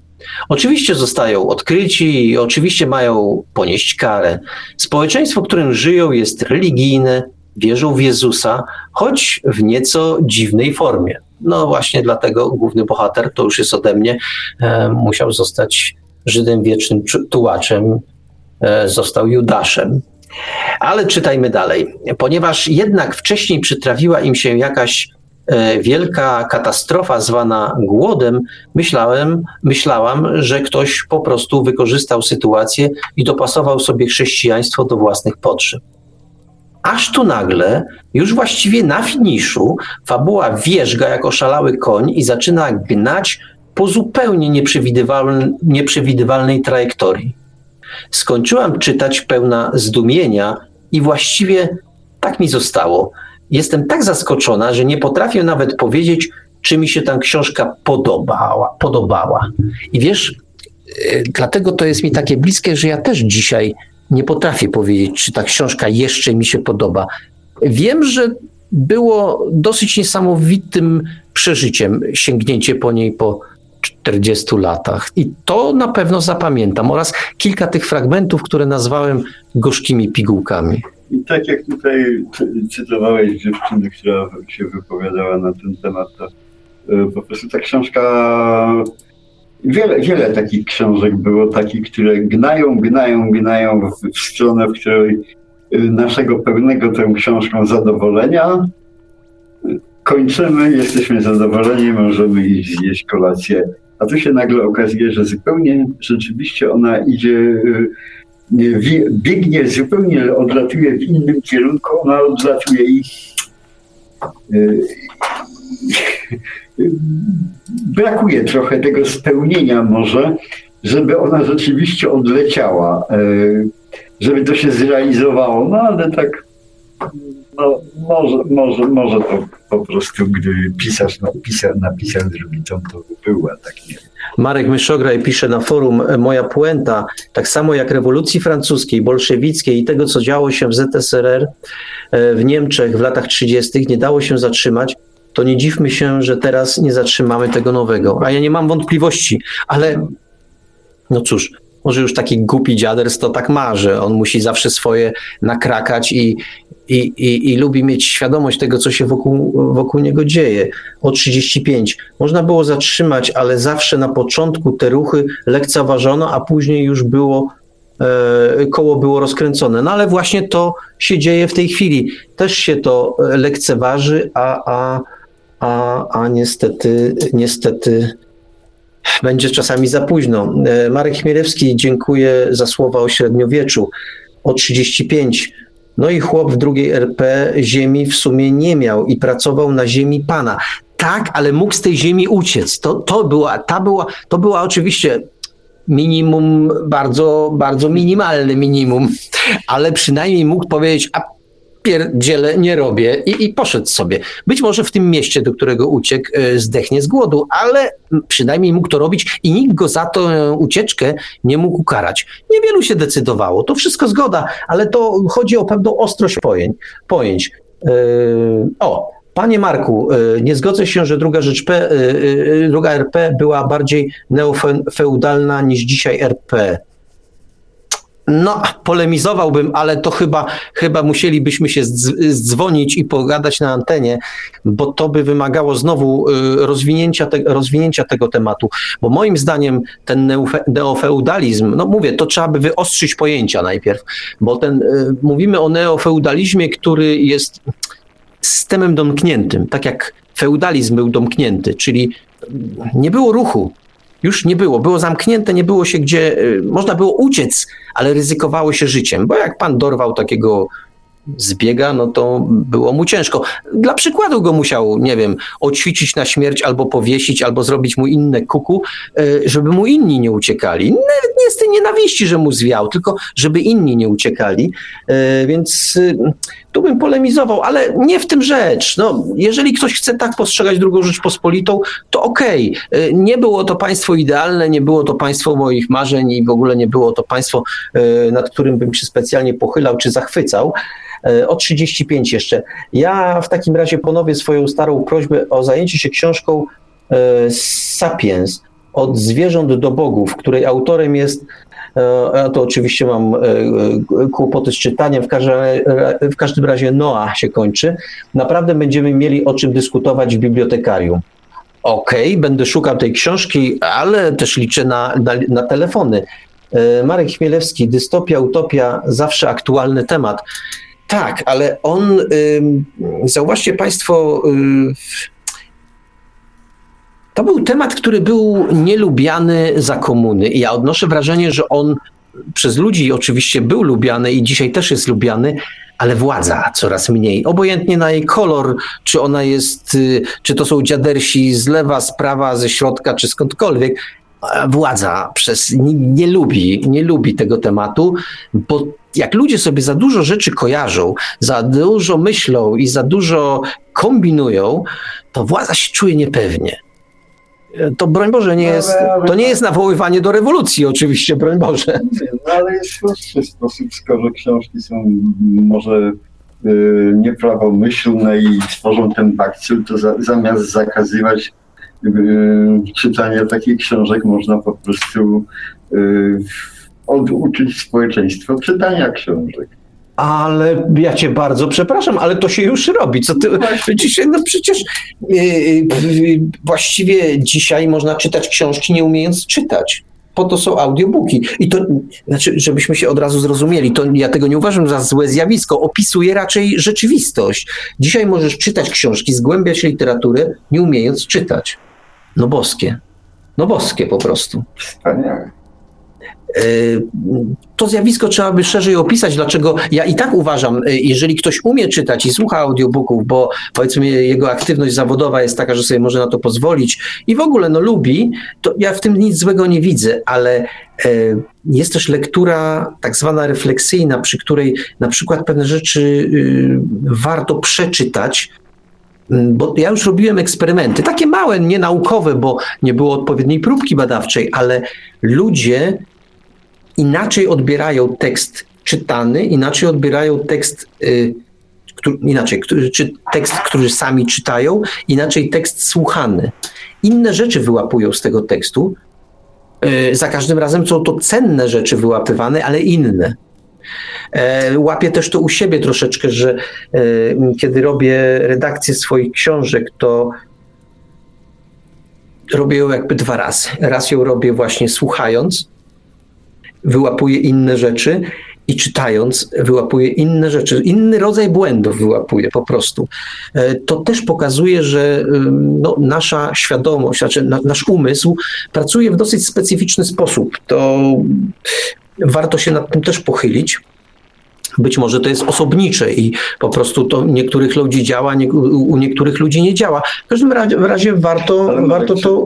Czy nie, nie uważasz, że, że ku temu zmierza w ogóle cała nasza cywilizacja, czyli do zbędności w ogóle symbolicznego myślenia, języka jako takiego. Tak, tak, tak, tak, tak. Nie tylko czytania, ale również mówienia.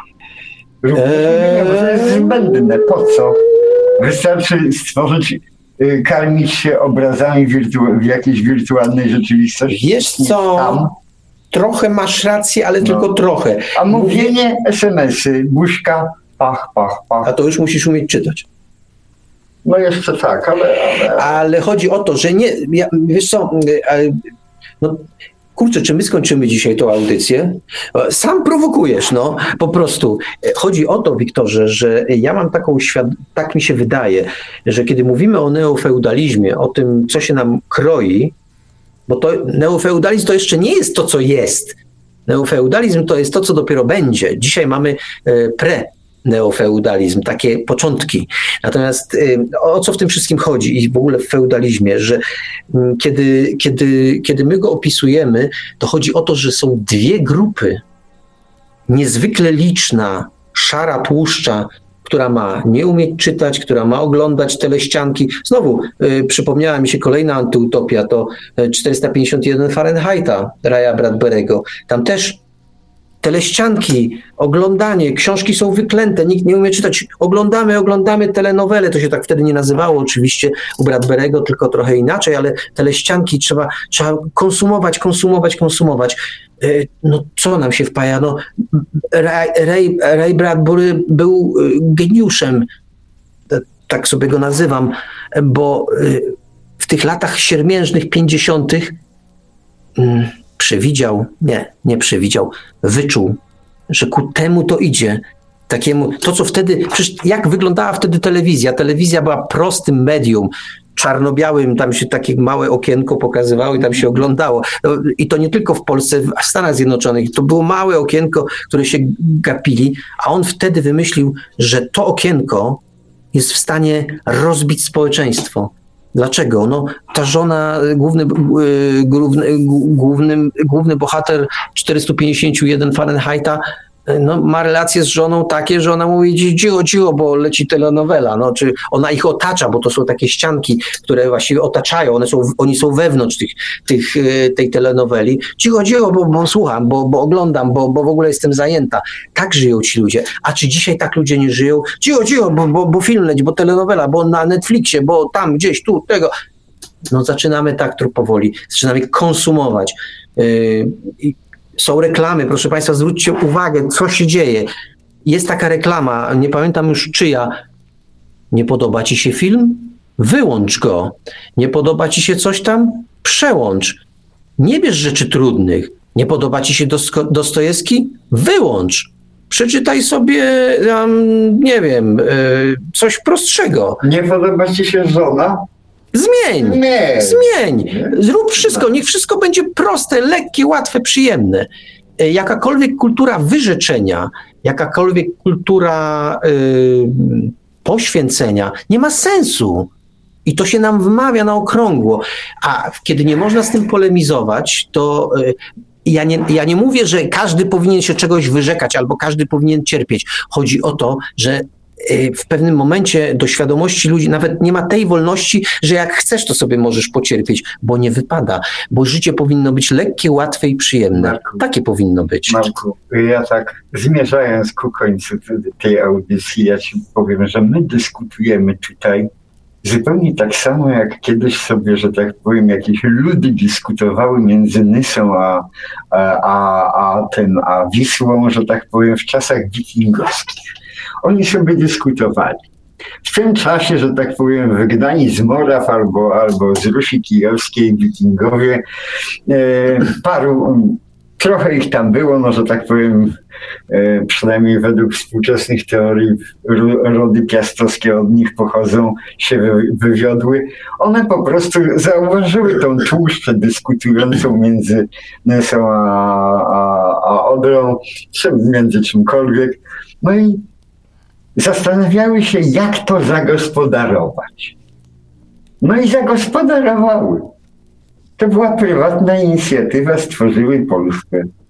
No i tak samo dzisiaj ktoś próbuje w jakiś sposób zagospodarować ten cały ciemny lud między, między, między Pirenejami a, a, a, a ale, ale no Wiktor, no ale Wiktor, to nie tak bo ten ciemny lud ktoś stworzył.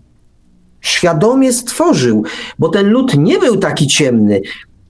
Często no się mówi o regresie cywilizacji. No jest ten regres, bo się świadomie hoduje ciemnotę, no ale... ale... po co się nią hoduje, o ją hoduje?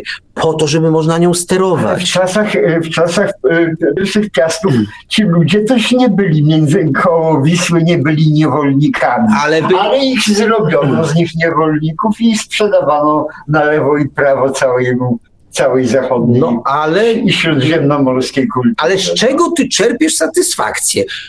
Po prostu coś się powtarza, ale no, ale...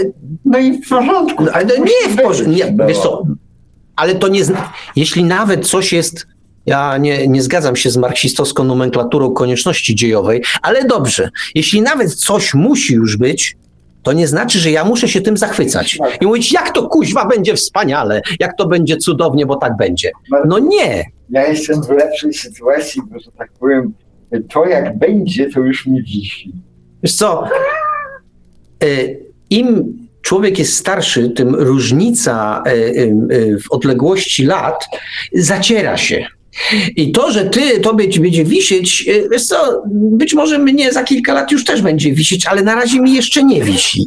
Także wiesz, no e, e, tu o 35 pisze o tym, że władza wtedy szuka sposobu, aby dokręcić śrubę, jak czuje się niepewnie. I tak i nie. No, zgadzam się. Właściwie serce podpowiada mi, że się z tym zgadzam, ale powiem tak. A może jest tak, że władza zanalizowała sobie, szeroko pojęta, bo ja nie wiem, kto jest tą władzą tak naprawdę, może a władza sobie zanalizowała coś takiego, że znowu do ciebie dzwonią, Wiktorze, że mamy kończyć, chyba już dzwonią.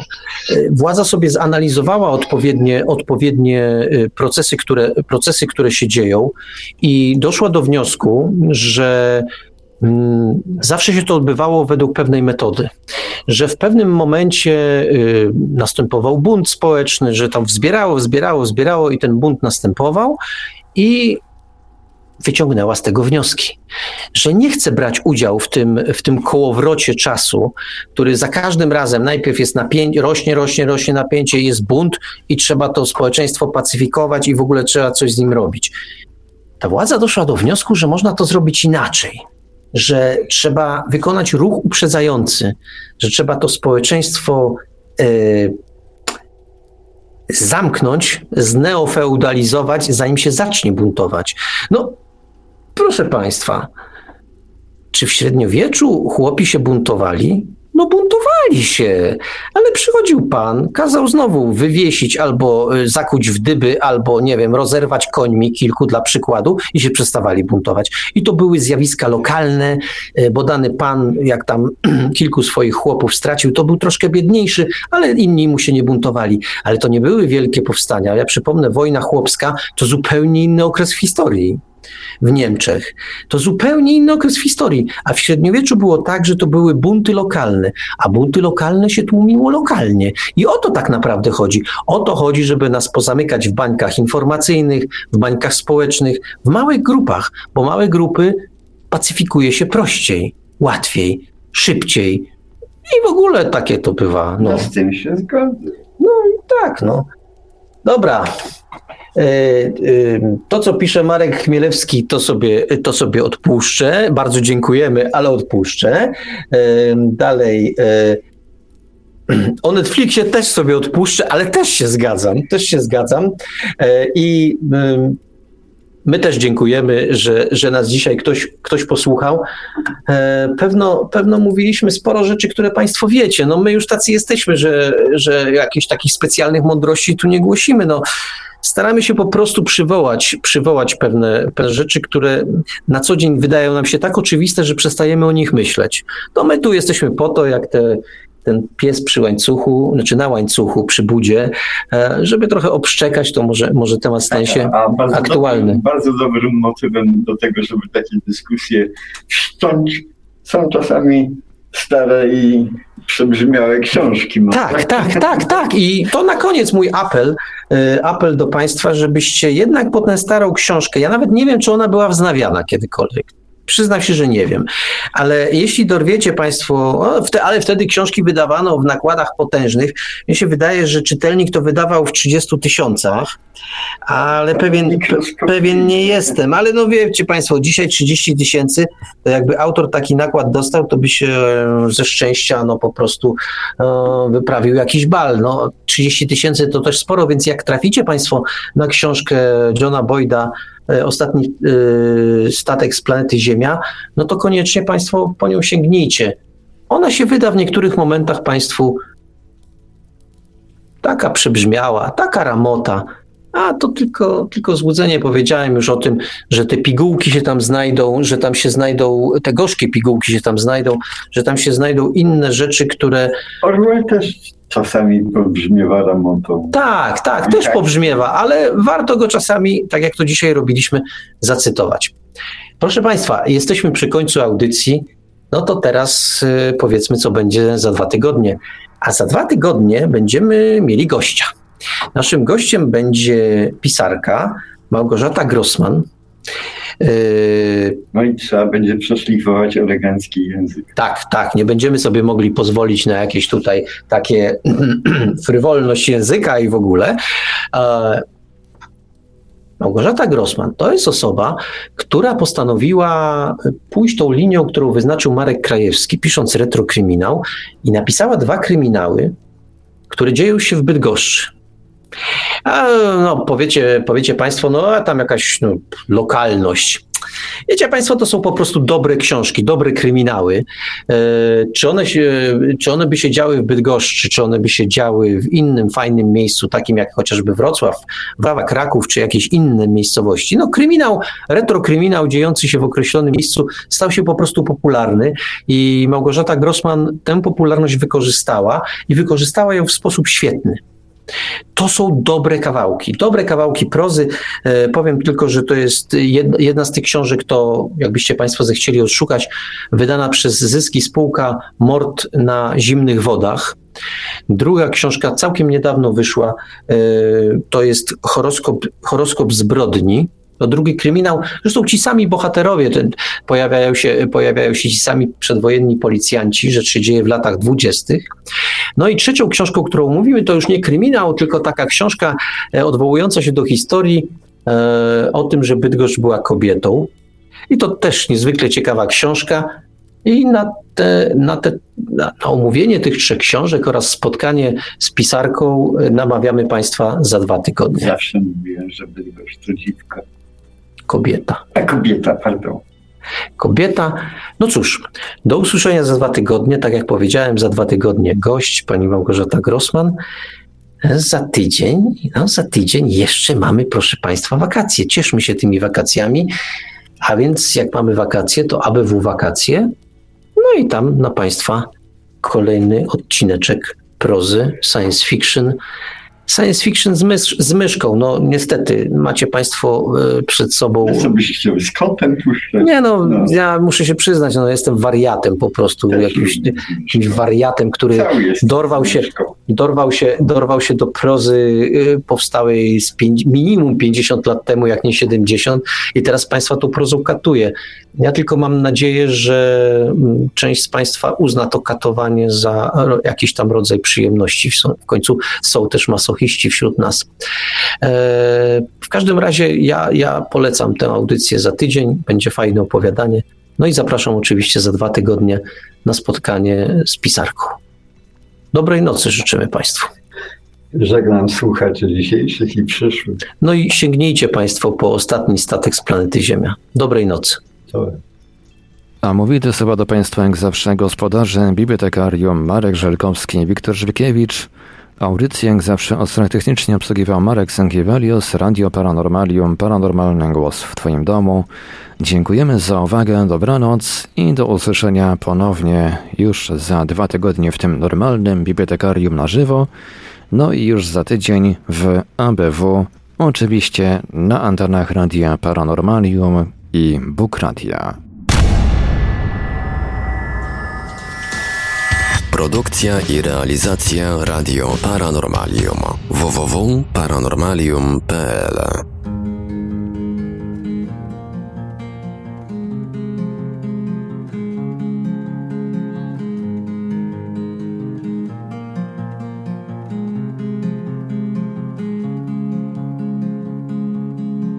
Another conversation with no destination, another battle never won. And each side is a loser, so who cares if I the gun? And I'm learning, so I'm leaving, and even though I'm grieving, I'm trying to find the meaning that lost revealing. that loss revealing. Saint Jude, the patron saint of the lost causes. Saint Jude, we were lost before she started. Saint Jude, we lay in bed as she wept around us. Saint Jude, maybe I've always been more comfortable in chaos. And I was on the island and you there too, but somehow through the storm I couldn't get to you, Saint Jude. Somehow she knew. And she came to give a blessing while causing devastation. And I couldn't keep my mouth shut. I just had to mention, grab your attention. Saint Jude, the patron saint of lost causes. Saint Jude, we were lost before she started. Saint Jude, we laid in bed as she wept around us. Saint Jude, maybe I've always been more comfortable in chaos.